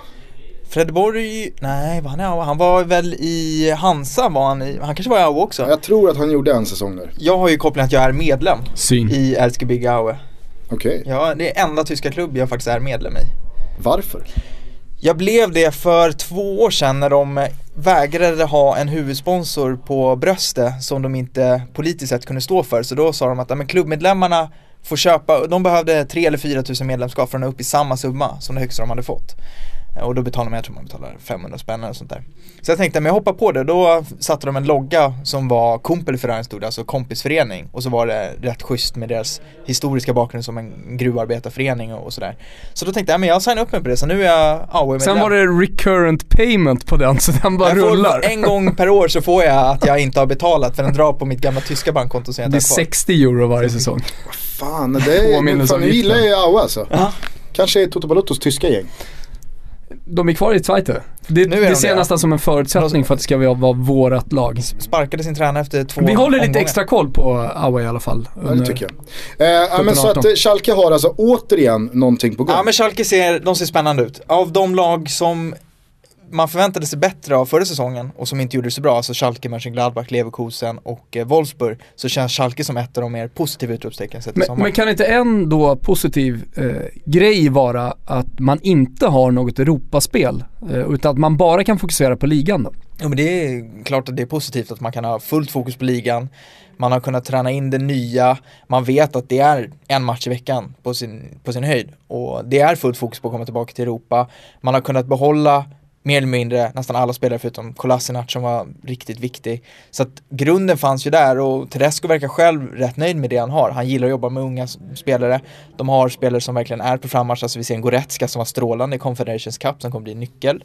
Uh, Jävlar vad bra de var Tyskland i Confederations Cup med ett ruggigt B-lag dessutom. Ja. Det, det, finns lite det var, väl, det var väl inte en enda startspelare höll jag på att säga? Ja, det var Jonas Hector mer eller mm. mindre som var med. Men annars så är det ju, ja Kimmich då möjligtvis, men annars är det många som, som får kämpa om att komma med till VM nästa år. Mm. Uh, vi har ju sett uh, senaste åren både Max Meyer och Goretzka och Geist här för uh, något år sedan. Vem, vem är näst på tur att uh, göra anspråk på den stora scenen från Schalke-håll? Från Schalke-håll, det, det, är svårt att säga. De har, de har ju en kille som heter Hajiv Wright som eh, jag inte riktigt har koll på hans bakgrund, men han var bra under försäsongen. Lånar de ut honom, vilket jag inte trodde, för det är en anfallare som var väldigt intressant. Just nu, ungdomsmässigt så ser det inte, har det, inte, det har inte tillkommit någon i truppen just nu Ingen Draxler? Nej, det är ingen sån som kommer in utan snarare så är det, jag tror att Max Meyer som hade en rätt blek säsong för han kommer nog att få en viktigare roll i år så att det är egentligen hans stora genombrott jag tror att vi kan få se under det som sker. Eh, Goretzka kommer ju också ta ytterligare kliv och vara bättre än tidigare. Så jag tror snarare att det är att de spelare som finns nu kommer att höja sig än att det kommer in kanske en ny ungling som är, eh, som är på gång. Mm. Eh, antagonisten då, Borussia Dortmund eh, från Gelsenkirchen, eller Ruhrområdet. Ja det är ditt favoritområde efter att ha varit där. Ah, det Gelsenkirchen. Fan så deppigt alltså. Fy fan så deppigt det var det området. Jag hade inte stått ut, jag hade inte stått ut ett halvår alltså. Jag åker ju bara till Moseldistriktet om jag åker till Tyskland. Ja, det är det enda som intresserar mig. Ja, eller Augsburg eh, är väl... Eh, ja, ja. Men det kanske ska... tillhör det distriktet eller? Nej det gör det inte riktigt. Men eh, nej, Bayern är fint också. Alltså både München och Augsburg är två fantastiska städer. Ja, men Schalkes då derbyrival, Dortmund är väl det laget som eh, kanske har eh, störst intresse från, från svenskt håll sen Alexander Isak eh, kom dit i vintras. Känner du som jag att det är så jävla många som hoppas på att det ska gå dåligt för Isak? Jag tycker det sipprar ut hela tiden. Ja, det kanske är så i, i Sverige. Det, ver det verkar som att han har hela fotbollsförbundet mot sig, vilket är lustigt, hela den historien som jag har dragit upp flera gånger när Claes Eriksson gick ut och uttalade sig. Nej, jag har inte riktigt kanske fått de vibbarna, men i Tyskland så, så är han ju omtalad. Det här är ju någon man verkligen tror på och framförallt nu under försäsongen har han ju varit bra. Ja, den här fyra målsmatchen från förra veckan, det kändes som ja. precis vad han behövde. Även om motståndet var ett amatörlag spelar inte så stor roll egentligen. Nej, nej, det handlar mer om att visa upp sig och nu så kommer han in, Peter Bosch verkar tro på honom, nye tränaren. De har egentligen bara en ordentlig anfallare det är Aubameyang. Där bakom är det Isak som, som finns tillgänglig. Han var med i truppen nu när de, i, på bänken när de spelade i kuppen så att han kommer klart närmare. Så du tror inte på de som eh, gastar om att det ska lånas ut här? Nej. Det... Han kommer tillhöra Borussia Dortmund och vara nummer två bakom. Proble problemet blir ju om de lånar ut är att de måste värva in någon annan. Ja. För att inte, som alltså, Adam säger, det, fin det, finns inget annat på bänken. Jag har ju svårt att se att han kanske, alltså att han räknas som en standard tvåa, men nu är ju Schürrle skadad och då blir det än mer för då kan man inte sätta in Schürrle centralt. Royce är skadebenägen, försvinner Dembélé, vilket säkerligen kommer ske. Ja men då, då, är det inte så mycket offensivt kvar, då, är, då öppnar sig möjligheter och därför tror jag man vill inte göra sig av med honom för då, det är som Thomas säger, då måste de ta in en annan helt plötsligt. Men eh, min känsla när jag kollar på Emre Moores statistik från fjolåret, som är ett år äldre va, än, än Isak, han till och med två år äldre, men det är att han kommer göra någonting liknande. Alltså en 14-15 matcher eller vad det var eh, och, och, en hel del inhopp. Alltså det som är intressant med Emre Moore, anledningen till att han ens överhuvudtaget var på väg bort, är ju för att Emre Moore ser sig själv som en startspelare. De säger att han är den knepigaste jäkeln att göra med i hela Dortmund. Nu efter den som har lyckats ta den rätt enkelt då. Men Moore ska ju vara extremt svår att göra med så att han måste nog tagga ner, men alltså Moore är ju Isaks måttstock. Alltså att se där hur man kan Också få möjligheter. Också bra kompisar vad det verkar, sociala medier. Det, ja men det kan jag tänka mig, att de liksom, jag menar han kommer ändå från Danmark, de har en liknande bakgrund. Jag tror att det är det man kan se. Okej, okay, Moore får sina chanser. Jag menar Isak kommer säkert, han kanske inte kommer upp i 15 insatser kommer så, men jag kan tänka mig att han kommer upp i 5-10 och får möjlighet och han sitter på bänken och får känna av det. Och det är ändå alltså på den korta tid som han var där skulle jag säga att det faktiskt är rätt bra. Låt säga att eh, det löser sig med eh, Dembélé till Barca. Vad gör en ekonomiskt eh, klok klubb som Dortmund med 150-ish miljoner euro? Det tror jag inte de själva vet än. Eh, det sägs ju att de är intresserade av Draxler. Vilket eh, såklart skulle vara rimligt, men nu kommer ju PSG inte få lossa Mbappé, vilket gör att Draxler säkert blir kvar där. Eh, och rent politiskt så är ju Draxler är ju en Gelsenkirchen-kille, det är en Schalke-kille. Det hade ju det hade varit otroligt spännande att se hur det hade gått eh, rent politiskt. Jag tror att de är, det är en av anledningarna till att man inte vill sälja honom, är att man är oroliga för att om man säljer Dembélé så har man för kort tid på sig att hitta en adekvat ersättare. Och det enda det har diskuterats om var någon bänkad Lyon-spelare, så det, det, låter som att man inte riktigt har koll på läget. Möjligt kanske att man kollar då på Bors gamla delar i Ajax om det finns någonting där att hämta. Men annars så har jag svårt att se att man sådär på rak arm hittar en kille. Rätta mig om jag har fel, jag tycker ju att Borussia Dortmund sen eh, succésäsongen efter alla ligatitlar som då alltså ledde fram till en välförtjänt Champions League-finalplats. Man slog väl ut Real Madrid i semifinalen med totalt 5-1. Lewandowski gjorde fyra mål ja. Eh, då hade man ju en backlinje med eh, Mats Hummels, Subotic, Schmelzer och Piszek. Mm i mitt tycke där och då var ju det en, det var en väldigt bra backlinje och det fanns några hyfsade backups. Sen dess så känns det ju som att är, är det någon stor akilleshäl som Dortmund har slitit med sen dess så är det ju backlinjen. Man har för dåliga spelare. Och sen så kan man säga hur mycket positiva eh, och härliga ord man vill om vilka talanger Dortmund hämtar in i offensiva led. Men bakåt är det ju för dåligt. Mm. Ja men det har ju varit och det märktes framförallt förra säsongen så var det väldigt tydligt att Sokratis och Bartra där bak i centrala ledet det var inte stabilt. Schmelzer är alldeles för skadebenägen, Piszek har börjat bli tolv. Alltså defensivt, det är ett jätteproblem. Och det är någonting de verkligen behöver jobba med. Nu har man Sven Bender som hoppade in stundtals när han var frisk. Fick ju spela mittback, han är såld. Ginter har de gjort sig av med till Mönchengladbach. Gladbach ja, defensivt, där kommer de få jobba. Och det, det är ju som du säger, det, det, är den stora, det är det stora bekymret. Men eh, alltså, tittar man på någonting där eller? Alltså, varför, varför lägger man inte lite deg på att, eh, att ta in en eller två toppnamn i försvarsleden? Ja, det är en bra fråga. Det är en sån här fråga, skulle man träffa Michael Sork, sportchefen, så är det första man skulle fråga, hur kommer det sig att den, de enda gångerna man hör rykten så är de offensiva spelare, mer eller mindre. Man hör aldrig någonting om defensiva spelare. Vet inte om det har... Men rätta mig om jag har fel, man har tagit in Toprak? Toprak har ju kommit in och det har varit klart. Det räcker ju gott. Hans säsong i Leverkusen. Ja, men det var ju hela Leverkusen, det går ju inte bara hänga Toprak. Det, det var Nej, det är ju sant. Men nej, Toprak är ju, är ju den som ska För mig är det en bra värvning. Jag kommer ihåg hur vi satt här för ett år sedan och pratade om den fina Leverkusen-värvningen Toprak, sen att han gör en dålig säsong. Man trodde ju att Toprak Dragovic skulle hela bli laget. ett topplås. Dragovic kan ha varit, efter Renato Sanchez, fjolårets sämsta värvning. Ja, men jag hoppas på honom till Roma. Det är, alltså, ja, jag nej, han kanske blir bra där. Alltså jag bara, men det, han, var, han passade inte in i Leverkusen. nej men för lite kan jag känna att eh, vad, vad är det den klassiska sägningen är? Offensiva, en bra offensiv vinner matcher, en bra defensiv vinner titlar. Eh, och vill Dortmund nu med the new kid on the block, alltså Leipzig, vara en seriös fortsatt utmanare till Bayern München. Då kan man inte hålla på och torska och kryssa de matcher man gör på att man är för dåliga defensivt. Nej men det, då blir det 3-3 mot Bremen istället för 3-1 och Alltså jag menar de skulle ha varit med och huggt på en spelare som Niklas Syle som nu gick till Bayern München. Det är typiskt, det är där de ska vara. De ska hugga de bästa i landet, för där är ju Dortmund idag. De är ju två efter Bayern och de kan ta de bästa talangerna. Och då har man inte varit där, man har inte varit tillräckligt snabba och det, det är ju problematiskt. Och när man då kollar utomlands så är ju Dortmunds attraktionskraft för de absolut största är ju inte heller den är ju inte riktigt där, utan de får ju ta från andra, liksom, den andra hyllan. Och då blir det Bartra som, ja, är okej, okay, men det är ingen, det är ingen världsback vi pratar om. Nej.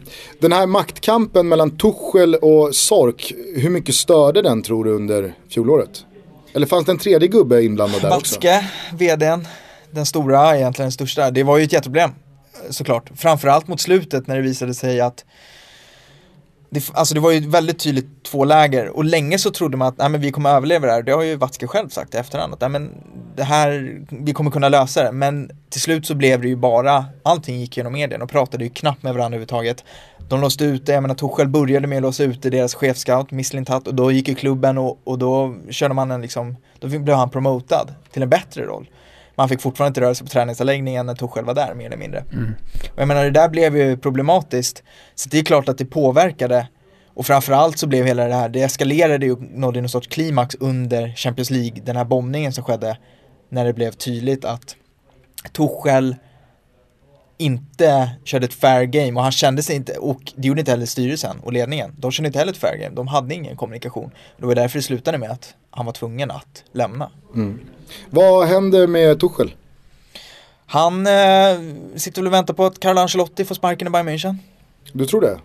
Jag tror att eh, han inte har några planer på att ta ett jobb just nu. Jag tror han vill åt de stora klubbarna och det är inte orimligt att om Ancelotti skulle få gå så är Tuchel ett tänkbart alternativ. Vad tror du eh, Dortmund har eh, växlat upp i och med tränarskiftet? Nej, det tror jag inte.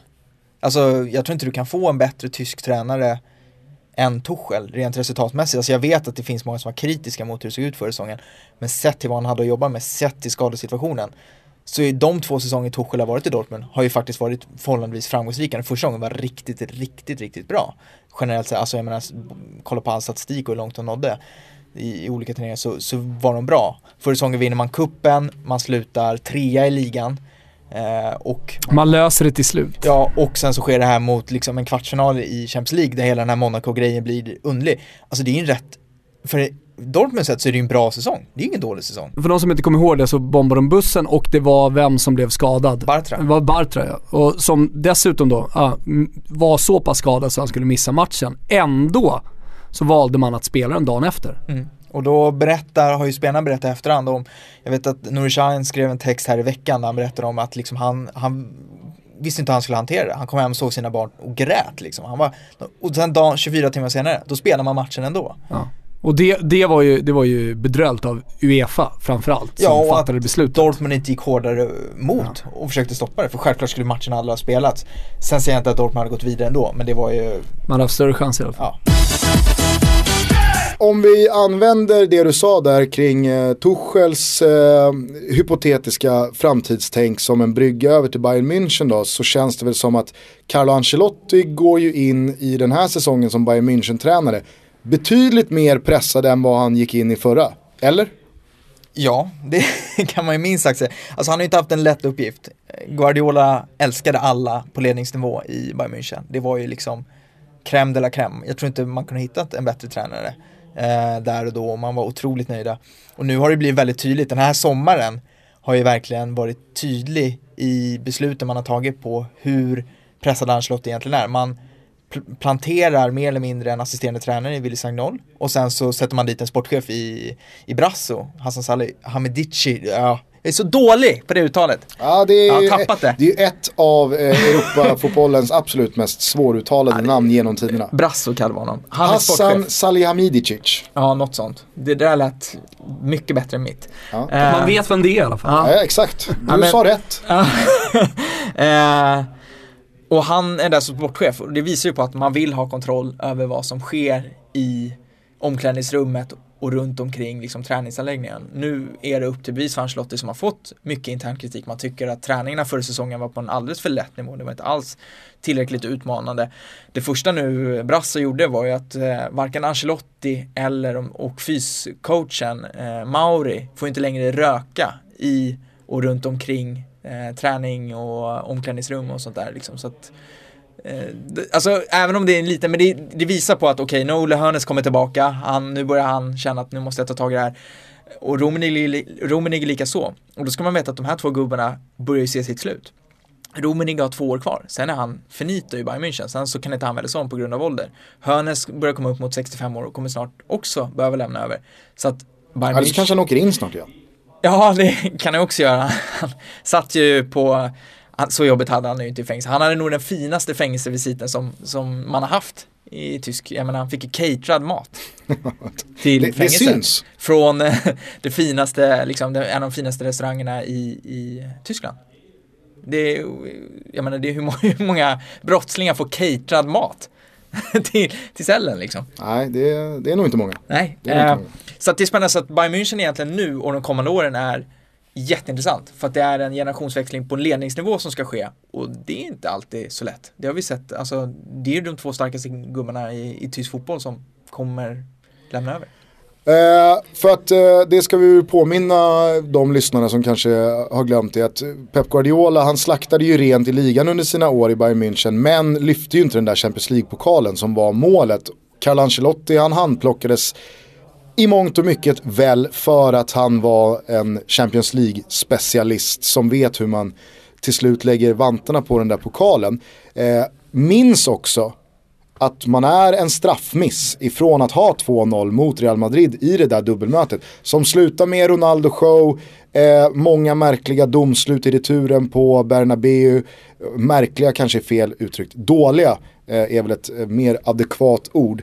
Äh, men så att även fast det, det kanske slutade på pappret som en liten missräkning för Bayern München att åka i kvartsfinal. Eh, så eh, var man ju väldigt nära att skaffa sig ett eh, mycket, mycket bättre utgångsläge inför returen mot Real Madrid. Men jag är ju skeptisk till eh, att den här generationsväxlingen om du nu benämner den som väldigt intressant och spännande på ledarnivå, kanske är det på eh, planen. För att jag ser ju ett Bayern München som återigen går in i en säsong med ja, men Frank Ribéry som, eh, det är en gubbe som, som behöver vara viktig i år.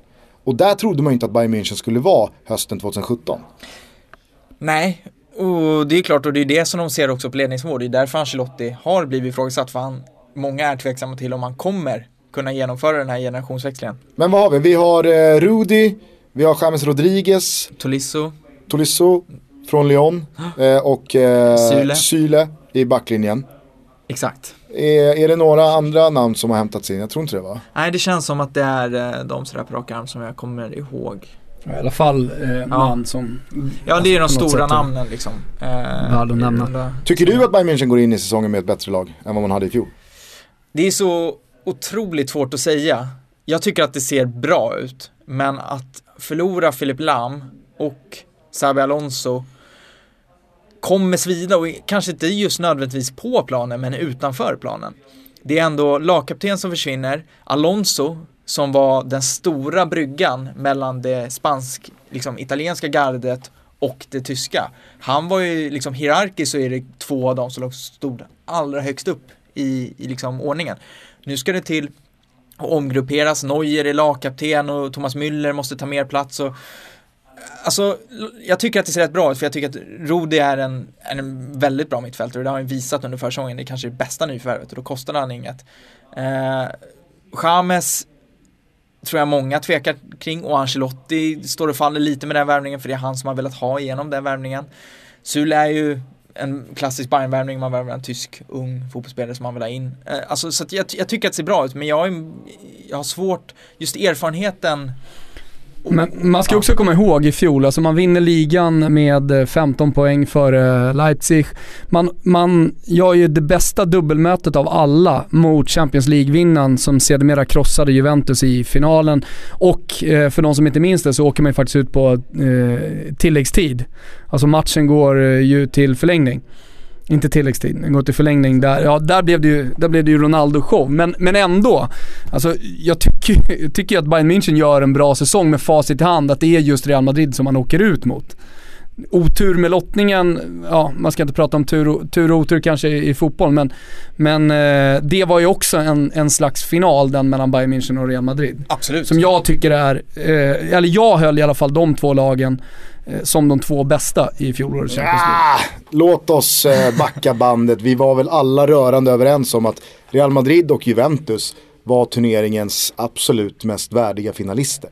Jo, det skrev jag till och med i min krönika efter. också. Jo, det stod i min krönika, men jag hade ju spel på Bayern München så jag måste ju på något sätt backa upp det här. Eh, får jag bara bolla upp ett alternativ till Dragovic som fjolårets sämsta värvning. Renato Sanchez eh, gjorde väl ingen Ja, glad. exakt. Och är kvar i han är Bayern kvar, München. han är kvar, han släpper dem. Nej, han har ju inte, och det är också, det är också en sån här typisk grej där man börjar bli tveksam. Är Ancelotti rätt? För att det här var ändå liksom, det var ju deras stora värvning. Han presenterades bredvid Hummels, alltså samma dag tror jag det var om jag inte minns fel. Och då hade man ju ändå tagit honom framför Manchester United. Man kände att, men den här gubben, och jag tror de hade prisat 35 miljoner från början och upp till 70 miljoner skulle kunna bli en bonus här. Och han har vi ju knappt sett. Var ligger ribban eh, för Carlo Ancelotti i år? han måste ju vinna ligan, så är det alltid, det ska de kunna springa hem rätt lätt eh, i år. Och sen så måste han, han måste nog minst ta sig till en semifinal i Champions League. Och ska de då åka ut, då måste de åka ut mot ett lag som är, ja, troligtvis vinnarna. Om inte annat så måste de åka ut på ett sätt som gör att det framstår som att Bayern är de moraliska vinnarna för att de var bäst i turneringen. Eh, förra året Men det är lite läge för Bayern München också att dra det längsta strået i de matcherna som är tajta. Absolut. Det är läge för Bayern München att bli en vinnare i de stora matcherna nu. Ja men så är det, sen, men sen är det som, som Gusten säger, att man står och faller med att man har den Ribéry som man räknar med som liksom första gubbe på vänster mittfältet och man har Robben på andra sidan. Och Lewandowski är den enda anfallaren man, man har och när han blev skadad under våren så märks det rätt tydligt att man, de inte var fit for fight. Så att alltså, de står ju och faller lite med vissa spelare, framförallt Robben, eh, Ribéry, men kanske Lewandowski mest nästan. Är du lika förvånad som jag att eh, Leipzig håller sig till det man har snackat om hela tiden? Eh, alltså att man inte ska sväva iväg och börja köpa och göra anspråk på de stora etablerade namnen utan att man håller sig verkligen ett par hyllor ner i, i affären. Eh, jag är inte överraskad eh, överhuvudtaget. Jag, Ralf Rangnick, han är fan en man av sitt ord. Ja, han står för, för det han säger och det är därför som att man, man säljer inte Forsberg, man säljer inte Keita För att man har sagt så här Där är det. spänner man ju, måste man ju säga, i Forsberg-fallet eh, så spänner man ju musklerna tidigt och man gör det rätt ordentligt också. Eh, det var ju till och med så att eh, Team Forsberg med agent i spetsen var rätt syrliga i sina kommentarer. Alltså markerade rätt tydligt att eh, Forsberg eh, skulle gå till Milan när de var intresserade. Men eh, Leipzig la inga fingrar emellan där och jag kan tänka mig att eh, unge herr Forsberg har fått höra det när han kom till träningsanläggningen. Ja, det vågar jag lova. Jag tror både han och Keita, det är inga spelare som direkt har gått ut i strejk som vissa andra gör i de där lägena. Utan, Som av med Gucci-jackan och på med blåstället igen och visa att du ja, Ja, men för, att, för att spela in alla då, jag tror att många har koll på Emil Forsberg, men just eh, kring Naby Keita så har det ju varit en oerhört lång följetong med att eh, Liverpool vill ha honom, eh, man är beredd att betala stora pengar. Eh, Leipzig har varit tydliga med från dag ett att ni kan lassa upp hur mycket som helst, vi kommer fortfarande säga nej. Keita verkar ha velat lämna, han har försökt göra sig omöjlig, han slaktade någon snubbe på en träning för att bråka sig bort.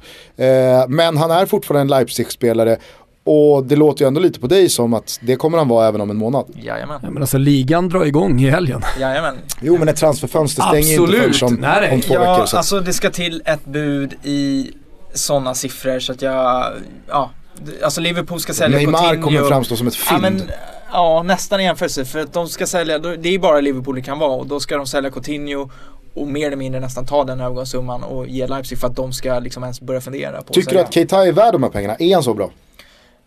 Nej, det skulle jag inte påstå. Alltså efter en säsong i Bundesliga, han var ju- var i Salzburg innan. Uh, han gjorde en bra säsong i Bundesliga. Men jag menar nu sägs det att Liverpool lagt ett bud på ungefär 80 miljoner euro. Det kan jag tycka, det är väldigt snabbt för en spelare, dels som sitter på kontrakt med en klausul för nästa säsong som ligger på 55 miljoner euro. Men också han har, han har trots allt inte spelat Champions League-fotboll. Han har spelat Bundesliga-fotboll, gjort det bra. Men nej, alltså för 80 miljoner euro då, då pratar vi några av världens bästa mittfältare nästan. I alla fall detta. I detta luddiga financial fair play eh, som man lätt snårar bort sig i. Jag ställer en enkel fråga då. Behöver Leipzig pengar? Nej. De kan, alltså de, de har liksom råd att tacka nej till, till sådana här summor. För dem så spelar det mer eller mindre ingen roll, nej. Vad har man plockat in som du tycker är värt att nämna och är intressant? Eh, alltså de har ju tagit in som sagt unga spelare. Augustin där, anfallaren från PSG är väl den som eh, är mest intressant som ska vara, av vad jag fått höra, av eh, den assisterande sportchefen Per Nilsson. Eh, så har jag fått höra att det här är, det här är en man Men det har man ju kunnat på. sett i de små ljusglimtar när han har spelat i PSG också, Augustin, att det, det är en spelare med framtiden för sig onekligen. Men låt oss bara stanna kort på Per Nilssons arbetsroll. Alltså det är ju, det är ju efter karriärens bästa samtal att få på mobilen. Tjena Per, hur, eh, hur ställer du dig till att bli assisterande sportchef? Det är inte så mycket jobb. Det är riktigt bra betalt får vi väl anta. Ah, jag, han känner Red Bull som, eh, som sponsor. Och med titeln kommer ju också i princip noll ansvar. Och framför allt så får han ju gå bakom en, en människa som är, har så mycket erfarenhet, man kan lära sig så mycket så att för svensk fotboll så skulle jag så här, hade jag suttit i, liksom, oavsett i vilken roll, så hade jag så här, håll kontakten med Pelle för att han kommer sitta på, han, ja, han kommer ha en, Kommer lära sig kommer lära sig mycket. Och, mycket. Har du pratat någonting med Per Nilsson sedan han tog jobbet? Ja, Vad, vad säger han om eh, arbetsveckorna? Vad, vad gör han? han säger liksom? faktiskt att han har rätt mycket att göra. Måste jag säga. Alltså det är ju otroligt, alltså det, det, man, det som Leipzig är bra på, det som har gjort att de har blivit framgångsrika är att de, de är på en detaljnivå kring allt. Så att alltså de, de sitter och, allt han säger, allt från att bara boka ett hotell kan ta liksom lång tid. är han på är- den nivån Ja, nu det- att han bokar hotell? Eller det är så- Ja, men man kollar- han, är inte Han han är inte assistent, han är assistent. Ja men det finns liksom Han är det Nisse. Finns, ju- det finns ju många delar att se över och med scouting och allt. Alltså det, det är på en sån nivå. Jag tror att det, alltså det, det finns ingen klubb i Tyskland tror jag som är nere Per Nilsson och- jämför ju med Sundsvall. Det är klart att det är på Nej men nivå. alltså jag har ju varit nere i Leipzig och besökt den träningsanläggningen och alltså, det, det är ju som en liten stad de bygger. Och där har ju alltså pojkar 12-laget sin egen byggnad och sina egna förutsättningar och sina egna planer och det är, är det ju på en nivå som fick Hoffenheim som jag var och besökte bara något halvår, något år innan när vi träffade Gilo Ahmad som är en väldigt liksom, nyrik, nystor, modern, eh, ekonomiskt potent klubb. Alltså, de hade ju inte snålat på sitt bygge. Men det framstod ju som en, som en barack i jämförelse.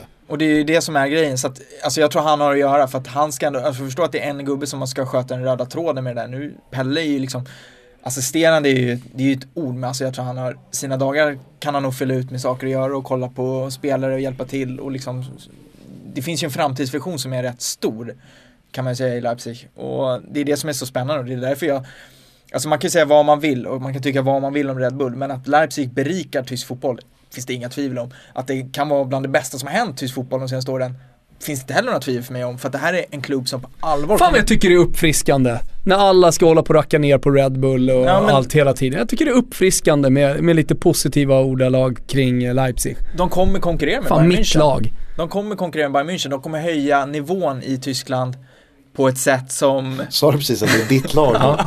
Aue och Leipzig i samma sändning av två helt olika anledningar. Ja, verkligen. Det som började med att vi liksom, fan är Aue vårt lag kanske? En halvtimme senare så slår Thomas fast att Red Bull-gänget det är fan mina gubbar. Ja. Hon får för mycket skit. Ja, ja men ja, vi nej, pratade men... om det för några veckor sedan. Ja. Ja, men alltså, så här, kapital inom fotbollen värderas så olika av passionerade fotbollssupportrar och alla som, vill, som är emot den moderna fotbollen. Och det finns mycket som jag också kan vara emot den moderna fotbollen. Men, men jag gillar inte att man värderar kapital eh, så olika som man ändå gör. Nej, men och gillar man tysk fotboll då vill man ju ha en konkurrent i Bayern München. För Bayern München, alltså det, det, då blir det Rosenborg, det blir Celtic. Ligan kommer tappa i kvalitet. Det behövs fler lag som kan konkurrera. Dortmund har gjort det, Leipzig har ju de har allt för att kunna göra det. Sen finns ju alltid Schalke i bakvattnet.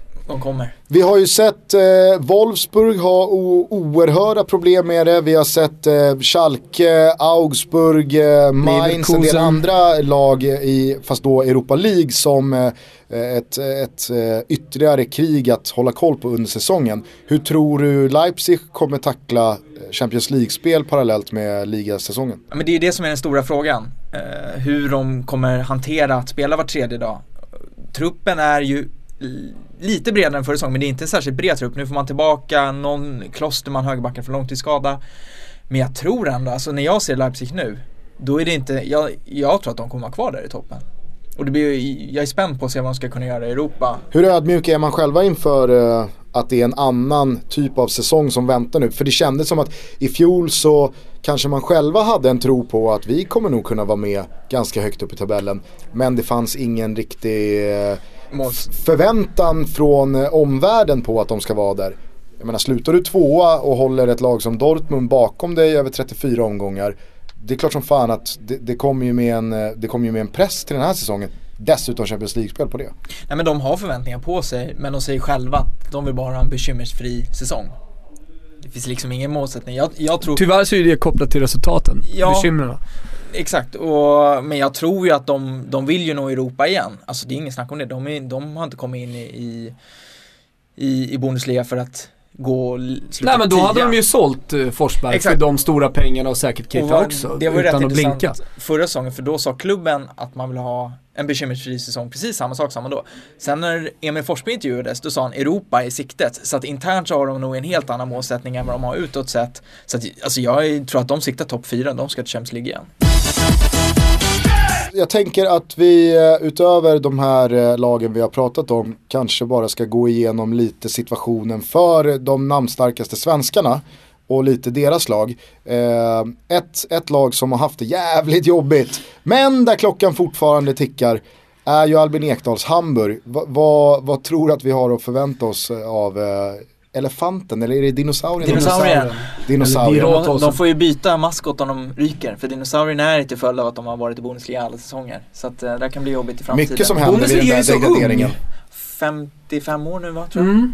Eh, något sånt där. Mm. Eh, Ja men det blir, eh, alltså, jag satt, när man satt och kollade, kollade igenom, man går igenom trupper, man går igenom vad som har sagts, hur de har spelat på försäsongen och sånt. Så går det inte att komma ifrån att Hamburg hade en ambition inför sommaren om att man efter sommaren skulle vara i en situation att äh, men vi kommer kunna stabilisera oss och bli ett mittenlag. Så kollar man lite på vad de har värvat. De har värvat André Hahn från Mönchengladbach som ser bra ut, men annars så har det stått rätt stilla.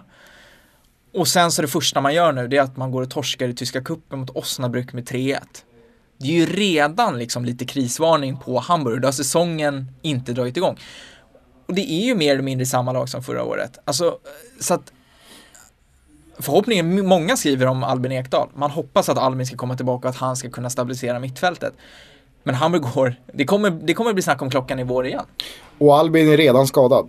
Ja, men ser ut att kunna vara med i alla fall mm. till helgstarten. Jag tror att man höll honom i kuppen för mm. att han skulle vara med i ligan för han är så pass viktig. Han hade eh, mindre ryggproblem, mässa lite med honom så det, det ska inte ja. vara några problem. Man har ju Hoffenheims gamla tränare Gistol. Marcus Gistol, precis. Tror du att eh, det är rätt val för Hamburg som har laborerat väldigt mycket med eh, tränarnamnen senaste åren?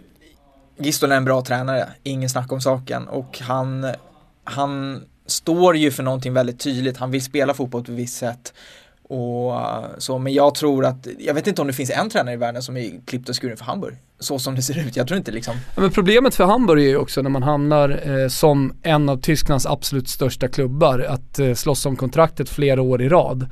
Eh, att, man, att man har eh, en stor verklighet i staden, alltså man har mycket supportrar, man har hela tiden strålkastarna på sig. Så det är en sak om, eh, en sak om Augsburg ett år slåss om Europaplatserna och året efter slåss för att klara sig kvar. Men, men det accepteras ju inte i Hamburg, det ska inte accepteras heller utan ja, man, man, har för, man har större förväntningar på sig alldeles oavsett hur det har sett ut på sommaren, alldeles oavsett hur det har sett ut åren innan. Nej men exakt, alltså det som hade varit det bästa för dem och det var ju någonting som var väldigt nära för ett år sedan, det var att de var på väg att få Tuchel från Mainz till Hamburg och sen kom Dortmund in i sista sekunden, Klopp hade bestämt sig för att sluta och tog Tuchel. Annars hade han varit i Hamburg och det hade varit jätteintressant. Nu tror jag inte man kan få en bättre tränare än Gistol egentligen, sett till förutsättningarna. Men det skulle få honom mycket om han sitter kvar när säsongen är slut. Är det inte lite läge för Hamburg att eh, liksom tömma fickorna på en spelare som bankar 20 mål. Absolut. Problemet är att de har inga pengar utan de har en investerare som, Tömma de där fickorna hur mycket som helst, det händer inget. De har en Varför har de så, alltså de, var är cashen? Nej men de har gjort av med allting gick ju åt för ett par år sedan när de skulle spela ut i Europa. De satsade, de hade van Nistelrooy och sånt som lyfte löner, van der Fart och gänget. Alltså det var dyra löner och man lyckades inte ta sig ur det och har inte kunnat sänka kostnaderna sedan dess. Man gjorde så med René Adler i sommar som var en, lit, liksom, en större löneutpost men man får inte iväg dem där. Du har en Pierre-Michel Lasogga som sitter på ett drömkontrakt som han vill skeppa till Leeds. Och det är ju den tröttaste anfallen i historien. Alltså verkligen. alltså du sitter, på, du sitter på spelare som har löner som inte motsvarar deras kvalitet. Lasogga är typ, alltså han är dubbelfotad i negativ bemärkelse. Ja. Han är lika skulle... kall med både högen och vänstern. Du kanske inte sitter inne på exakta uppgifter men var, var skulle du placera Hamburg rent eh, lönebergsmässigt i förhållande till de andra lagen? Eh, omsättningsmässigt där så tror jag de ligger Ja, de ligger på den övre halvan, är jag rätt säker på. Det måste ju uh, vara det laget som har högst lön sett till hur kalla uh, ligaplaceringar man har. Det, jag vet att de gjorde en sån där, jag tror att de är på den övre halvan, jag skulle tro att de är efter, jag skulle säga att de är sju eller något sånt där i Bundesliga. Uh. Sju och åtta. Och att då sluta, då har man slutat de senaste säsongerna mer eller mindre Ja, man, de, ja, I fjol så räddade man ju kvar i sista omgången återigen då med 38 ja. poäng. Exakt. De är ju undantaget till den här eh, ganska populära eh, liksom, tesen att driva att eh, det laget som spenderar mest pengar brukar vinna och det laget som spenderar näst mest, eller har mest, näst mest pengar i omsättning slutar tvåa. Att det, att det går att applicera den på, på många fotbollsligor där ute i världen. Men det känns som att Hamburg är ja, men undantaget som bekräftar den regeln. Ja, verkligen. Och nu ska man punga ut 70-80 miljoner på en vänsterback som jag inte vet om man kommer förbättra eller inte Stafidis från Augsburg och då känner man sig att ja, eh, har ni tänkt rätt nu? Från en vänsterback till en annan då. Ludvig Augustinsson är nu i Bundesliga. Han har kritat för Werder Bremen. Ett Werder Bremen som eh, alltså vände 180 grader i fjol. Ja. Låg ju dyngsist och var ju redan klara för Zweite. Ja, det kändes så. Och sen så radar man upp vadå, 11 raka utan förlust och ja, de hade, hade ju kon för Europa. orkade de inte riktigt hela vägen in. Det var nog bra. Ja. Det var nog bra. Eh, vad är det för lag eh, Ludvig Augustinsson kommer till? Nej men han kommer till ett lag som vars startelva är, är bra. Om man säger så. Alltså han kommer, Alexander Nori, ung, ny tränare, det blir spännande att se om han klarar av att föra det här vidare som han gjorde när han tog över i, i höstas och leder lika bra framöver. Men han har ju, alltså de har ju en Max Kruse där, de har Hans gamla lagkamrat Thomas Delaney från Köpenhamn som värvade som var riktigt bra från det att han kom i vintras. Augustin som kommer vara given på vänsterkanten. Sägs ha liksom varit en av de absolut bästa spelarna i Bremen under, under försäsongen och vänsterfoten kommer användas på fasta situationer. Så att det ser ju det ser bra ut men de har ingen bredd. Så att problemet är att börjar de bli skadedrabbade då kan de få stora problem. Bremen är ett sånt där lag som kanske nästan är svårast i Bundesliga att tippa för de kan håller sig startelvan någorlunda frisk då kan de slåss om Europaplatser. Däremot börjar de få skador och det, jag tror att de har en rätt tuff inledning spelskärmsmässigt. Då kan det sluta med kval, till och med nedflyttning. För det är sån otrolig skillnad på Ja men det slog vi fast eh, förra säsongen. Alltså det, det var ju ingen liga som hade så kort avstånd mellan nedflyttningsplatserna och Europaplatserna som den tyska. Det var ju ett tag, typ i mars-april, när Hamburg började gå lite bättre. Och det kändes som att fan det är nästan möjligt med, eh, med Europaplats här om de fortsätter gå så här bra. Och inte ens fick ett samtal för att prata om det. Nej, det var för dåligt. Svagt. Nej men det, det är otroligt jämnt. Ja. Alltså, om man kollar på Hertha Berlin då som eh, tar den sista eh, Europa League-platsen, alltså sjätteplatsen i ligan. De har 49 poäng. Wolfsburg eh, kvalar på 37. Ja. Det är 12 poäng. Ja, det är, det är inte, vi pratar inte många poäng. Alltså två förluster för ena laget och två segrar för det andra så är de på samma poäng. Ja. Alltså, det, så det är alltid jämnt. Det har varit i de senaste säsongerna och jag tror inte det här som kommer att undantag. Dags att mygga av Wolfsburg. Ja, det blir Kort spännande att se. Bara. Det har ju, på tal om svenska, Fredrik Ljungberg som eh, har sin roll där. Ja.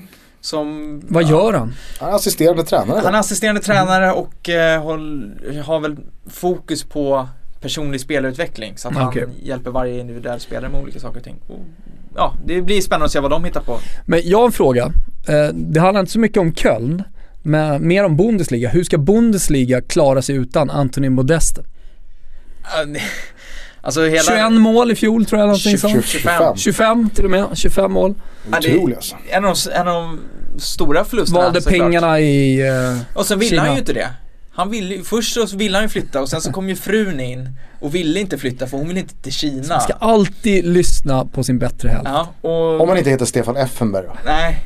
Ja, då ska man fan inte lyssna. eh, och då, då blev han tveksam och det var ju då han började skicka, klar, han skulle ju gå upp i rätten mot Köln eh, mitt i den här vevan av att han lämnar. Och nu har han ju inte sålt, han har blivit utlånad med en köpklausul och jag inte är helt ute och cyklar, så vem vet vad som sker. Men han, ja, frun var ju inte nöjd när det visade sig att Kina blir nästa. För att Modeste att, skulle kunna hamna i Bundesliga igen. Det finns nog möjlighet. Han är 29, så att ja. Eh, det finns tid för honom. Ja, Uh, är det något annat lag som du vill uh, bolla upp lite här inför säsongstarten? Det finns ju en del namnstarka klubbar som vi inte har berört. Uh, Gladbach, Leverkusen, Hoffenheim såg vi ju gå på pumpen mot Liverpool här i veckan. Champions League-kval. och det känns ju som att den klubben hade också kunnat hamna i den här snurran av Europaspel och ligaspel och det blir en, en boll för mycket i luften. Absolut. Nu blir det väl Europa League även fast man ja. åker ut, men du förstår vad jag tänker. Ja, nej men mycket står ju och faller med Nagelsmann som tränare. Och det, jag tror att många har stort förtroende för att han ska fixa det ändå. Uh, jag tror att Hoffenheim är rätt stabila, de har värvat rätt smart, de har tappat två nyckelspelare, Rode och Syle, men jag, jag, tror att de kommer, de kommer vara på den övre halvan utan tvivel. Och sen vad det, vilken liksom, de kommer säkert kunna konkurrera om Europa League. Bästa fall kan de konkurrera om Champions League, men jag tror inte de kommer falla rätt igenom. Det är inget, vi pratar om, jag tror att vi pratar om dem som ett luftslott tillsammans med Frankfurt. Och Frankfurt var ju överlägset sämst på våren. Eh, Hoffenheim höll nivån och jag tror att de fortsatt kommer göra det. Sen så kommer det finnas en annan konkurrenssituation för att Schalke har alltid något på G. Det kommer hända bra grejer där och sen så kommer Mönchengladbach, jag är rätt övertygad om, eh, kommer att lyfta. Däremot så tror jag inte Wolfsburg och Leverkusen kanske kommer lyfta på samma sätt i, igen. Är det, är det någon eh, svensk spelare som eh, vi inte heller har nämnt här som du tror? Jag är spänd på att se vad Quaison kommer kunna hitta på i Mainz. Gick ju bra på våren. Ja, eh, och... Och nu... Branimir Eregota gjorde väl i, i eh, liksom lite skymundan en ganska så bra säsong i Eintracht Frankfurt. Han fick ju spela framförallt. Han fick ju speltid och han kommer få det den här säsongen också. Så det är väl två sådana man ska hålla utkik för. Eh, Quaison tror jag för att Mainz har ny tränare och de kommer vilja spela fotboll och jag tror det kommer passa Quaison rätt bra. Eh, och dessutom så, som Thomas sa så visade han ju upp sig eh, under våren och gjorde det rätt bra när han var med. Så att, det är jag spänd på sig. Och Ergota, han måste ju få till målskyttet. Det är det det handlar om. En anfallare bedöms ju utifrån hur många mål han gör och han gjorde väl fyra eller fem tror jag förra säsongen. Så att, eh, men han har inte stor konkurrens på det sättet i, i Frankfurt, så han kommer få spela. Så att, eh, alltså de blir såklart mycket spännande att se. Hörrni, eh, ni vet ju att eh, ni hittar supermånga intressanta långtidsspel eh, hos våra polare på Betsson. Och vi har faktiskt bett om expertishjälp här från Adam Nilsson trots att han i fjol, då, i fjol då rekommenderade med Bayern München borträknat att Leverkusen skulle vinna Bundesliga. Blev de 11? Ja, Mm. Stämmer nog. 12 till 11, 12 och Schalke 11. 12 ja, det var, jag kommer ja. inte säga det i år. Nej, Schalke kom 10. Ja, Sen hade de Frankfurt emellan ja. sig Men vi eh, tror på eh, alltså, att eh, en gång är ingen gång och eh, ger ju Lillpöler nytt förtroende här. Så att om du vill rekommendera några av Betssons långtidsodds inför Bundesliga, hur låter det då? Man kan säga att vi kallar det Pölers Toto-trippel. Ja. Mm. Stort Bayern-fokus att Arturo Vidal drar på sig över 6,5 varningar till 1,80 känns, känns rimligt. Han drog på sig 8 förra säsongen och då spelar han bara 27 matcher. Den är hemma innan jul. Den känns lugn. Eh, Lewandowski, skyttekung, eh, två gånger pengarna.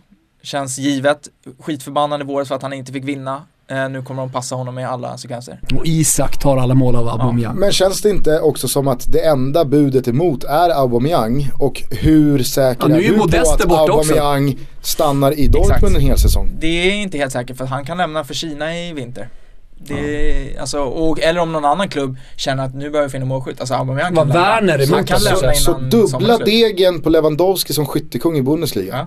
Det, det, är, jag skulle säga det är en skada emot. Blint tar Ja, det är en skada emot. Det är inga tvivel om det. Och sen så fanns det också en head-to-head -head mellan Robben och Chamez om vem som mm. skulle göra flest mål. Och då kör man ju såklart på Robben till två, eh, lite mer än två gånger pengarna.